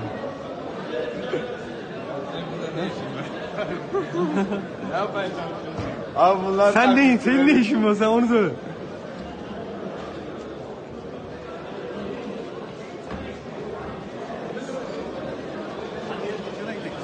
Abi, oğlum belediyesine gidiyorlar lan. İleride abi ileride devam et. Devam et abi. Ben, ben sizi götüreyim bizim dükkanın orası. Hep beraber gidelim. Yo yo aslında ben bu videoyu benim de bir kere daha izlemem lazımdı. Hocam benim izlediğim bu videoda sağlık çalışanlarıyla, şimdi ben onu bulabilirim. Sağlık çalışanlarıyla oradaki esnaf arasında bir diyalog var. Esnaf korkmuyor. Bu kadar tedbir fazla değil mi? Neden burada inceleme yapıyorsunuz ki diyor. Doktor veya hemşire diyor ki biz korkuyoruz. Üstümüzdeki kıyafetimize bakın, maskemize bakın. Siz de korkun. Korkmalısınız. Gereken önlemleri almalısınız. Çünkü bir kişi hastaysa kaç kişiye bulaştırabilir? Hocam korkmalıyız değil mi hasta? Panik yapmayalım ama korkmalıyız değil mi? Aynen öyle. Korkmalıyız ama panik yapmadan tedbirler alırsak korkmamızı gerektirecek bir şey yok. Ben söyledim e, eğer bir kişi 25 kişiye, 25 kişi 125 kişiye 2-3 gün içinde böyle geometrik katlanarak e, büyüyen bir salgın varsa önümüzde tabii ki korkmalıyız. Ama tedbirleri aldığımız zaman da dediğimiz gibi sosyal mesafe 1,5-2 metre arasında mesafe olunca virüs başkasına atlayamıyor, geçemiyor. Geçemeyince de salgın sönecektir. Bunu bilirsek panik yapmamıza gerek yok. Ama lakayt davranırsak işte biraz önce e, videodaki örnekler gibi e, Adana'daki, Diyarbakır'daki vatandaşların yaptığı gibi davranırsak o zaman tabii ki e, korkmak zorundayız. Ha bu anlamda bu, bu şekilde sorumsuz davrananlara bilinçli olan vatandaşlarımızın uyarı yapması gerekir. Kibarca, nazikçe uyarı yapması gerekir. E, sorumlu dav sorumluluğa davet etmesi gerekir. Yine sosyal medyada yayılan otobüsten inene yapılan e, reaksiyon çok yerinde bir reaksiyon. Buna benzer reaksiyonların gösterilmesi gerekir. Eğer buna rağmen bu tedbirler olmazsa yerli vakaların e, çıkmaya başladığı bölgelerde e, artık devlet sokağa çıkmaya kadar giden te, e, katı tedbirler almak zorunda kalabilir. E, siz sordunuz çocuklarımız ne yapacak diye. Evet. Şimdi çocuklarımız e, yeri geldiğinde sokağa çıkıp oyun oynayabilirler. Ama olabildiği kadar ebeveynler onların sağa sola temas etmemeleri konusunda onları yetiştirmeleri gerekir, öğretmeleri gerekir. Yine büyüklerimiz parklara gittikleri zaman birbirlerindeki arasındaki mesafeyi koruyarak parklara gidebilirler. Özellikle güneşin olduğu ortamlarda açık havada yürüyüşler yapabilirler. Ee, ama parklardaki e, spor aletlerine mümkün olduğu kadar bu aralar uzak durmakta yarar var. Başkalarının temas ettiği e, alanlara dokunmamamız gerekiyor. Dokunduğumuz do, dokunduğumuz durumlarda mutlaka ellerimizi e, su ve sabunla yıkamalı ya da mümkünse e, değilse su sabun yoksa kolonya ile e, sık sık dezenfekte etmeliyiz. Peki. Hocam İtalya'da yaşayan bir arkadaşımız dedi ki bir Türk kızımız, genç kızımız. Biz dedi İtalya'da yaşayanlar büyük hatalar yaptık. Yaptığımız bu hatalı, hataların, ihmallerimizin bedelini çok ağır ödüyoruz. Siz Türkiye'de yaşayanlar bizim yaptığımız hatalardan ders alın ki bizim ödediğimiz bedeli ödemeyin diyor İtalya'daki arkadaşımız. Herkese merhaba. Dünyanın yaşadığı bu koronavirüs kabusu ile ilgili eminim herkesin az çok bilgisi var. Fakat ben İtalya'da yaşayan biri olarak bir takım şeylere birazcık daha açıklığa kavuşturmak istedim. E, Siz de bizim yaptığımız hataları yapmayın diye. İtalya'da ilk e, vakalar Lombardiya'da çıktığı zaman eğitime ara verildi ve okullar tatil edildi. Bu bir tatil olarak algılandığı için aileler çocuklarını alıp sağa sola gittiler ve böylelikle virüs yayılmaya devam etti. Bilmiyorum eee, her şey ne kadar yansıtılıyor yani daha doğrusu ne ne kadar yansıtılıyor Türkiye'de ama siz hiç hastanede tüplere bağlı insanları gördünüz mü? Ya da 37 yaşındaki bir çocuğun oksijen tüpüyle ben 10 gündür cehennemi yaşıyorum. Bu normal grip gibi değil. En fazla hastalanırım. Grip gibi geçer. Ben gencim beni öldürmez diye düşünmeyin dediğini duydunuz mu? İş gerçekten ciddi. Burada insan seçiyorlar. İnsan seçmek zorundalar. Çünkü hiçbir ülkenin, hiçbir hastanesinin bütün ülkeyi hastaneye alacak kapasitesine sahip olduğunu düşünmüyorum. Kendinizi düşünmüyorsanız diğerlerini düşünün. Ve bu insan seçimine sebep olmayın. Lütfen evde kalın. Hocam bakın İtalyanlar büyük hatalar yaptılar. Amerikalılar önce böyle bize uğramaz canım filan dediler. İngilizler de öyle. Fakat olayın ciddiyetini anladılar değil mi onlar da? Yani İtalya'dan bağlanan hanımefendi aslında çok çarpıcı, çok dramatik şeyler söyledi. Hı. Eğer İtalyanlar gibi duyarsız davranırsak e, bizi de bu buna benzer tablolar olabilir. İtalya'da maalesef e, maalesef ki e, yoğun bakımlarda hasta, hasta seçmek zorunda kalıyorlar. Yani yoğun bakım tedavisinin hastayı geri döndüremeyeceği vakalar artık tabiri caizse ölüme terk ediliyor maalesef. Ee, şansı daha yüksek olan hastalara öncelik verilmeye başlanıyor. Yani daha önce gelen değil şansı yüksek olan yoğun bakıma alınmaya başlanıyor. Çünkü e, ister istemez hiçbir e, hanımefendinin söylediği gibi ülkenin altyapısı, e, yoğun bakım şartları, alet edevatı büyük salgınlara cevap vermesi mümkün değildir. Dolayısıyla e, aslına bakarsanız tabii ki mesela İtalya Avrupa Birliği ülkelerine yardım alamadı. Kısmen Türkiye'den ve Çin'den yardımlar gittiğini ben biliyorum. E, Allah korusun bizim başımıza da böyle bir şey geldiğinde bize inanın kimse yardım etmeyecek. O nedenle bizim yerli kaynaklarımızı böyle durumlarda nasıl reaksiyonlar vererek e, geliştirebileceğimizi, artırabileceğimizi de bugünden itibaren bizim düşünmemiz gerekiyor.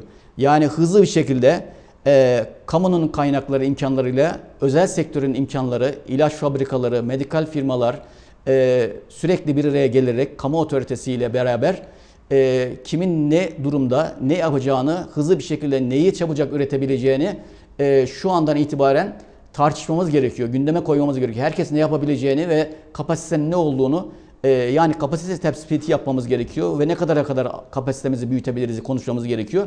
Ve tabii biz kendi ilacımızı, kendi aşımızı ve kendi kitlerimizi üretebiliyor, üretebiliyor olmamız gerekir. Hızlı bir şekilde bunları devreye sokabiliyor olmamız gerekir. Ama hocam kendi tedavi aşı dediğiniz yöntemlerimizi şey hocam aşı dediğiniz şey o kadar araştırmalar, ARGE, bizdeki bakın firmaların ARGE bütçesi ne kadar? O ilk 500'de ARGE'ye ayrılan pay, pay içerisinde tıp nerede? Mesela bir aşı, bunun testleri, uygulamaları, yan etkilerinin ölçümleri, aşı işine gelene kadar yapmamız gereken çok konu var. Bir şey soracağım size. Ha, bu arada yönetmenim beni uyarıyor. Kapalı çarşıda benim istediğim görüntü hazırmış. Onu da bir izleyelim. Bulantı, kusma, öksürük, ateş yok. Şimdi bu uygulaması biliyorsunuz olmayacağı anlamına gelmiyor. 14 günlük bir kuluçka süresi var. Yani biz, biz kendimizi bu şekilde koruyorsak bir, gerçekten hani korktuğumuzdan. Biz korkuyorsak siz de korkun. Çünkü biliyorsunuz ilk vaka buradan çıktı ve Ben buradaki vaka ya. sayısı artıyor. Gitgide artıyor. Yani buradan, sizin çarşınızdan. Ve birisine bulaşan gelip size bulaştırıyor. Anladınız mı? O yüzden lütfen mümkün olduğunca mesela burayı açacaksanız tek kişi açsın. Ve çocuklar, yaşlılar risk grubunda. Onlar gelmesinler ya da çalışanınız varsa. Evinizde herkese öyle. Lütfen dışarı çıkartmayın. Ekmek almaya gidecekse bir kişi gitsin. Hani hep aynı kişi gitsin ama. Tamam mı? Yani bir kişi üzerinden hani e, en azından tedavi için uğraşırsınız. İkincisi ise Eve gittiğinizde üzerinizi kapıda çıkartın, 60-90 derecede yıkayın, diğerlerinin giysilerinden ayrı yıkayın. Bunlar çok önemli. Gün içerisinde sık sık ellerinizi, yüzünüzü yıkayın ve e, su için ki boğazınızda nemli kalsın ve gelen virüs midenize gitsin, akciğerlerinize değil. Biliyorsunuz akciğerleri tutuyor ve zatüre yapıyor. İşte ben bu görüntüyü izledim. Meselenin vahametini anlatmak için sizlere de göstermek istedim. İspanya'da tüm özel hastaneler kamulaştırıldı.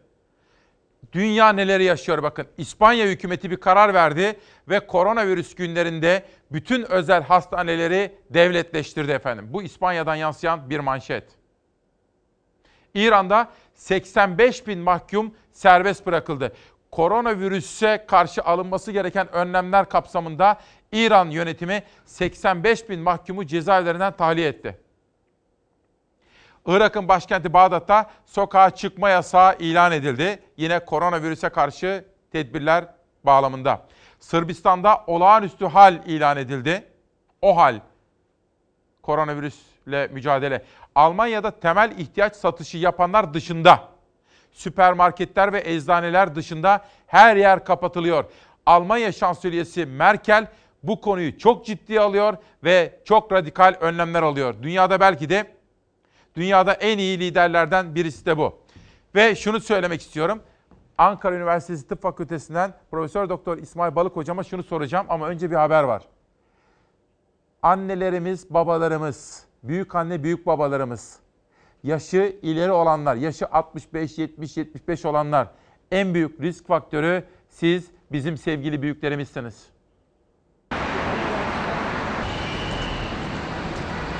Emekli maaşınız eve gelecek. Bilgim var. Var. Var. Ama dışarıdasınız gene ve bankadasınız. Evet maalesef. Vergi dairesine niye geldiniz? Vergi yatırmaya.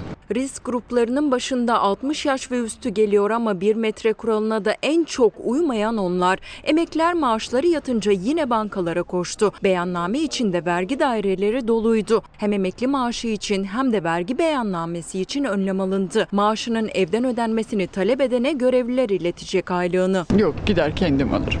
Neden risk? Bilmiyorum ben e, banka kartı da kullanmıyorum.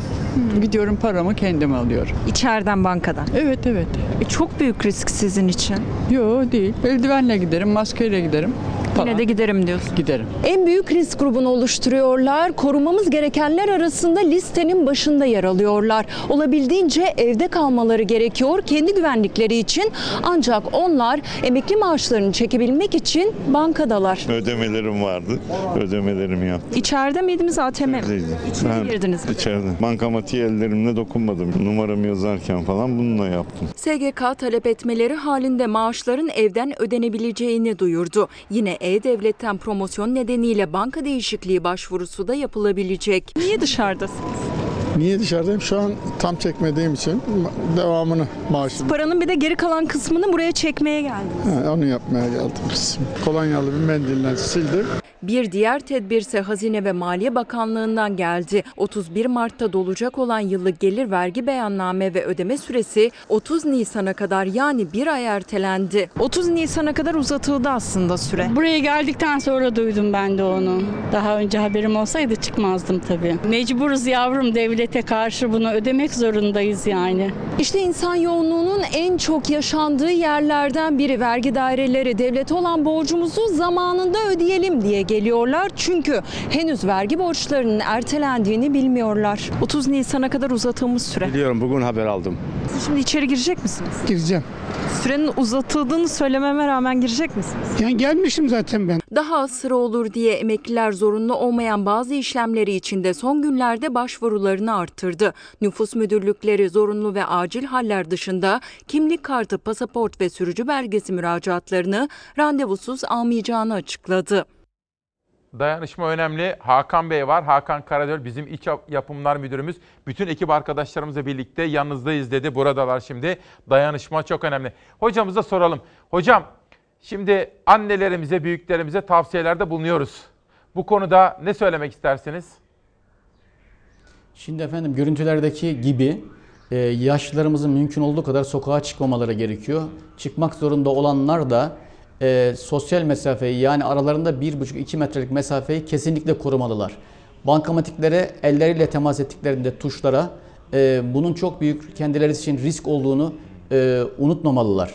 Yani eğer bunu yapıyorsalar e, ellerini dokunduktan hemen sonra e, kolonya ile silmeliler, dezenfekte etmeliler.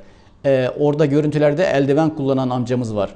Eldiven kullanmak e, kişiyi rehavete e, sürükleyebilir. Eldivenin üzerine de virüs e, bulaşıyor. Onu çıkarırken, takarken ya da eldivenini yüzüne e, bulaştırırsa ya da dokundurursa yine virüsü almış olur. Yani eldiven herhangi bir şekilde e, korumak için yeterli değil. Eldiveni e, yanlış kullanıyoruz. Eldivenle ilgili mantık e, yanlış işliyor gördüğüm kadarıyla e, son zamanlarda vatandaşlar. Peki. Çok teşekkür ediyorum. Bir bugün toplantı var efendim. Cumhurbaşkanı Erdoğan başkanlık yapacak. Yeni Cumhurbaşkanı hükümet modelinde bir takım kararlar açıklanacak. Bunun ekonomiye yansımaları da var ama önce Yeni Çağ Gazetesi'nin manşetini okumak istiyorum.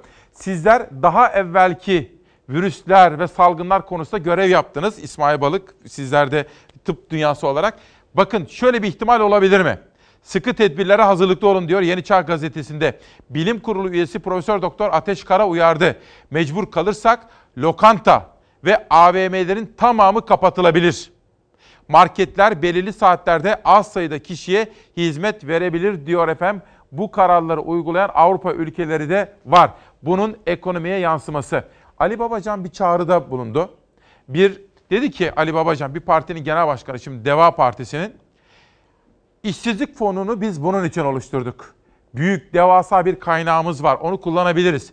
Elektrik, su ve doğalgaz ödemeleri belirli sürelerle ertelenmeli dedi. Zaten ekonomi yönetimi dün gelir vergisi beyanname verme süresini de Nisan ayı sonuna kadar öteledi. Meselenin ekonomiye olan bölüm ve boyutları da bugün Cumhurbaşkanlığındaki toplantıda ele alınıyor. İşçi çıkaracaklar. İşçi çıkarmak zorundalar yani. Çıkarmazsa dönmüyor. Bu adamın da çoluğu çocuğu var. Biz diyoruz ki yanımızda çalışan mağdur olmasın. İşsizlik fonundan gerekli destekler bize verilsin. Yoksa ne olacak bu insanlar? İşten çıkarıldığı zaman zaten siz ona o parayı vereceksiniz. Çalışma Bakanlığı'nın hükümetin atması gereken önemli bir adım.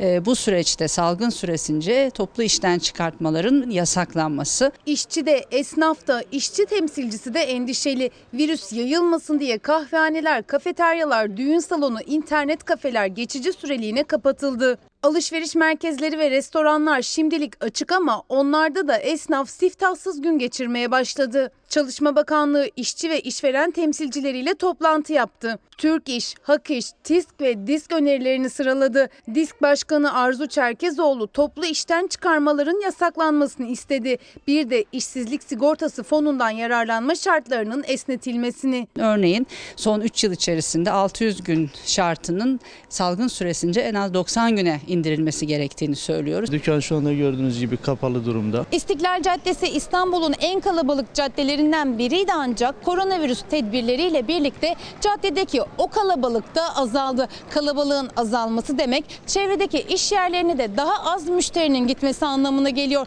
İşte o iş yerlerinin sahipleri de ekonomik tedbirler bekliyor. Müşteri durumunuz nasıl? Müşterilerinizin sayısında düşüş var mı? Çok düşüş var şu an. İnsanlar çıkmıyor. Nasıl tedbir aldınız peki?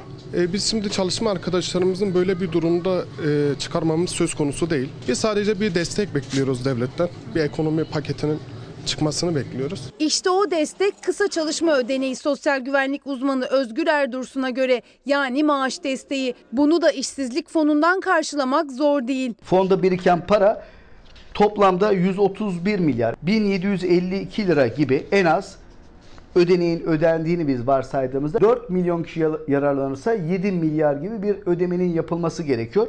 İşsizlik sigortası fonunun geçen seneki sadece faiz geliri 16 milyardı. Stopajımız var.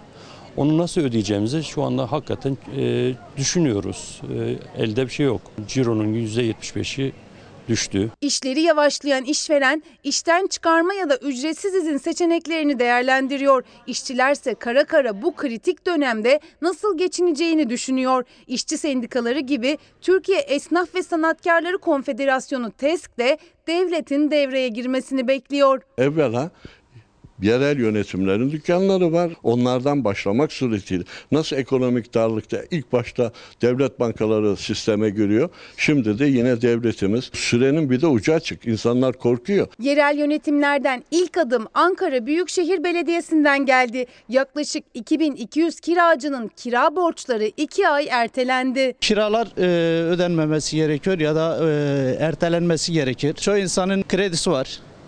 En kötü o krediler ertelenir.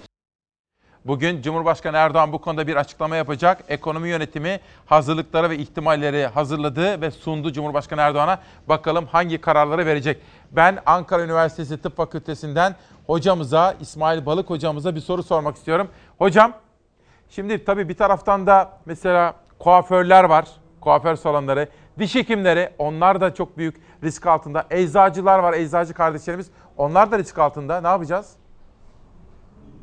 Şimdi e, temel olarak virüsün nasıl bulaştığını bilirsek tüm meslek grupları ve e, tüm vatandaşlarımız e, ne yapacağını daha iyi kestirebilirler. Virüs esasen e, solunum yolu sekresyonlarıyla yani burun, e, ağız, boğaz ve akciğer sekresyonlarının dışarıya saçılmasıyla e, tükrük, öksürükle, hapşırıkla e, başkalarına geçiyor, bulaşıyor. Yani direkt olabilir. Bu bir buçuk metreden daha yakın mesafeden direkt bulaşabilir. E, ya da e, öksürük, hapşırıkla e, ya da hasta kişinin e, elinin temas ettiği yerlere ya da zerreciklerin düştüğü mekanlardan, e, yerlerden başkasının elinin temasıyla bulaşması söz konusu olabilir. Tamam. Demek ki sosyal mesafe ve temastan uzak e, kalırsak, el temasından uzak e, kalırsak bulaşma önlenmiş olacaktır. Tabii ki e, diş hekimleri ve berberler bu açıdan oldukça riskliler. Mümkün olduğu kadar berbere gitmemeye çalışmak gerekiyor. Özellikle hastalık belirtisi olan kişiler asla ve asla berbere gitmesin ve berberlerde de tek kullanım kavlular, tek kullanımlık malzemeler ve e, kullanılan alet edevanın e, her sefer öncesinde ve sonrasında iyi dezenfekte edilmesi, otoklavdan geçirildikten, geçirildikten sonra malzemelerin kullanılması e, gerekir. Tabii ki berberde çalışan herkesin e, maske kullanması ama maskeyi doğru kullanmaları e, mutlaka gerekiyor. Peki. Hocam tek bir soru daha soracağım. Şimdi bugünlerde etrafımızda da insanlar var. Gidiyorlar süpermarketlerde yok makarnalar, şunlar, bunlar, unlar, şekerler böyle çuval çuval un alanlar görüyoruz. Buna ilişkin bir haberimiz var. En son olarak bunu soracağım size.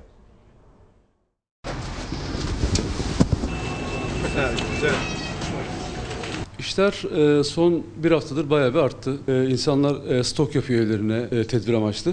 Son dönemde hiç bu kadar iş yapmış mıydın? E, İşler bayağı bir durmuştu ama bu vesileyle biraz artmış oldu. Fakat yani sevinelim mi, üzülelim mi tabii insan bilemiyor. Koronavirüsle birlikte Türkiye'nin tekrar tarım konusunda özellikle de gıdada kendi kendine yeterliliğin ne kadar önemli olduğunu gösterdi. Koronavirüs korkusuyla tüketiciler sadece hijyen ürünlerini değil gıda ürünlerini de stokluyor. Dışarıdan yemek tüketmek azalınca derin dondurucular etle dolmaya başladı. Kırmızı ete son bir haftada 5 lira zam geldi. Her aile hani her zamankinden birkaç kat daha fazla alın. Tüketiciler et de stoklamaya başlayınca kasaplar siparişlere yetişememeye başladı. Haliyle ete de zam geldi. Kıymanın kilosu 58 liradan 62 liraya, kuşbaşının kilosu 59 liradan 64 liraya çıktı. Biftek de 70 liraydı, 75 lira oldu. Üstelik bu zam son bir hafta içinde geldi. Haftada 2 kere alıyorduk. Şimdi 3'e 4'e çıktı. Sevkiyatlar biraz daha e, sıklaştı. Evet, tabii fiyatlar da buna bağlı olarak biraz arttı tabii. Talepteki artışın fiyatları bu kadar hızlı etkilemesinin bir sebebi de üretim açısından hazırlıksız yakalanmak uzmanlara göre. Türkiye'nin e, geçmişten bu yana tarımda çok büyük bir potansiyeli var. Bu potansiyeli değerlendirdiği takdirde e, koronavirüsü de olsa başka bir felaket de olsa Türkiye kendi gıdasını kendisi üretebilir. Sadece et değil tüketici marketlerden de diğer gıda ürünlerini stokluyor. Akşam saatlerinde orta büyüklükte bir zincir markette çekildi bu görüntüler. Bir uçtan diğer uca uzayan kuyrukta zaman zaman kavgalar yaşandı. Herkesin canı burnunda zaten. Sen buradan sırayı gördün geçtin oraya Market reyonları kısa sürede boşalıyor. Sadece kuru gıda değil sebze meyve de poşet poşet alınıyor. Ve elbette en yoğun ilgi de hijyen ürünlerine. Türkiye'de de koronavirüs olduğu açıklandığı andan itibaren eczanelerdeki el dezenfektanları hızla tükendi. İnternetten satış devam etti ama orada da açıklamadan hemen önce 100 lira olan dezenfektanlar bir gecede 300 liraya yükseldi. Ama sorun sadece bununla da sınırlı kalmadı. Bu açıklama yapılmadan önce 100 liraya dezenfektan alanların siparişleri hiçbir gerekçe gösterilmeden iptal edildi. Özellikle internet satışlarında dezenfektan, kolonya, maske fiyatları birkaç günde 2-3 hatta 10 kat arttı. Ucuza alanlarınsa ürünleri teslim edilmiyor. Ticaret Bakanlığı fırsatçılarla ilgili şikayetleri değerlendirip ceza kesiyor. Evet hocamıza soralım. Hocam yazık değil mi, günah değil mi, bencillik değil mi, israf değil mi bu? Nedir? Bir kere kesinlikle öyle. Ee, şunu söylemek istiyorum ben. Türkiye hem sağlık alanında hem de gıda alanında rahatlıkla kendine yetebilecek kapasitede bir ülke. Dolayısıyla eğer vatandaşımız panik yapmazsa bu e, çok affederseniz iğrenç fırsatçılara e, sebebiyet vermez. Bunu biz kendi elimizde yaratıyoruz. Hiç gerek yok gıdalara saldırmaya, gıdalara koşturmaya, bunları stoklamaya hiç gerek yok. Rahatlıkla yetebileceğini bu konunun uzmanları defalarca kere söylediler. E, dolayısıyla bu salgın yıllarca sürecek bir salgın değil. E, ölsek de kalsak da bu salgın bir süre sonra bitecek zaten. E, yeter ki ölmeden, çok fazla sayıda kişi hastalanmadan bu salgını e, sonlandırabilelim. Tamamen bu kendi elimizde. Dediğim gibi tedbirleri alırsak panik yapmamıza gerek yok. Hiçbir şekilde e, saldırmaya, marketlere, ilaca, de, e, dezenfektana e, panik halinde saldırmaya gerek yok. Eğer dezenfektan bulamadıysanız, kolonya bulamadıysanız su sabun da yeterli. E, diyelim ki su sabun bulamadınız, elinize yüzünüze götürmeyin. Bu bile tek başına e, belli ölçülerde Tedbir. yetebilir. Dolayısıyla eğer bilinçli ve sakin davranırsak, sakin olursak, panik yapmadan e, bu süreci yönetebilirsek biz e, bu sorunla çok kolaylıkla toplum olarak da devlet olarak da baş edebiliriz. Hocam size ne kadar teşekkür etsem azdır. Çok çok teşekkür ediyoruz. Size ve sizin şahsınızda bütün tıp dünyasına, tıp çalışanlarına, diş hekimleri, eczacılar, doktorlar, hasta bakıcılar, hemşireler her birinize içtenlikle ülkem adına teşekkür ediyorum. Sağ olun, var olun. Evet efendim, bizden hemen sonra Çağla Şikel de yine bu konuya devam edecek. Yine o da sizleri bilgilendirmeye devam edecek efendim. Hemen bizden sonra ben şimdi kapatmak için en son kitaplarımı da şöyle bir tanıtmak isterim. Uğur Akbulak, Bir Aptalın Çığlığı Bize Kalan diyor. Elif Durdu, Bir Güney Cangir Hikayesi isimli kitabıyla. Bugün Bir Gün gazetesine baktığım zaman yerel yönetimler virüse savaş açtı. Yarına bu konudaki haberleri de eğitimle ilgili gelişmeleri de aktarmaya devam edeceğim. Bugün tabii 18 Mart Çanakkale şehitlerini anma günüydü. Erken saatlerde haberleri verdik. Bu vesileyle başta Gazi Mustafa Kemal Atatürk olmak üzere kahramanlarımızı, önderlerimizi, gazi ve şehitlerimizi saygıyla anıyoruz efendim. Ve Aytaç Calman'ı kaybetmişiz. Kara Kuvvetleri Komutanlığı yapmıştı. Önemli isimlerden biriydi. Bugün ayrıca Hıncal Uluş da Yavuz Donat'la ilgili, Yavuz Donat'la birlikte Köksal Toptan, Cemil Çiçek onlar Deniz Baykal'ı ziyaret etmişler. Aslında uzun uzun bahsetmek istiyordum. Sabahattin Ali ile kapatayım mı bugünü? Aşk seni harap etmez mi? Takatim tüketmez mi? Sendeki ateş bitmez mi? Yetmez mi gönül? Yetmez mi?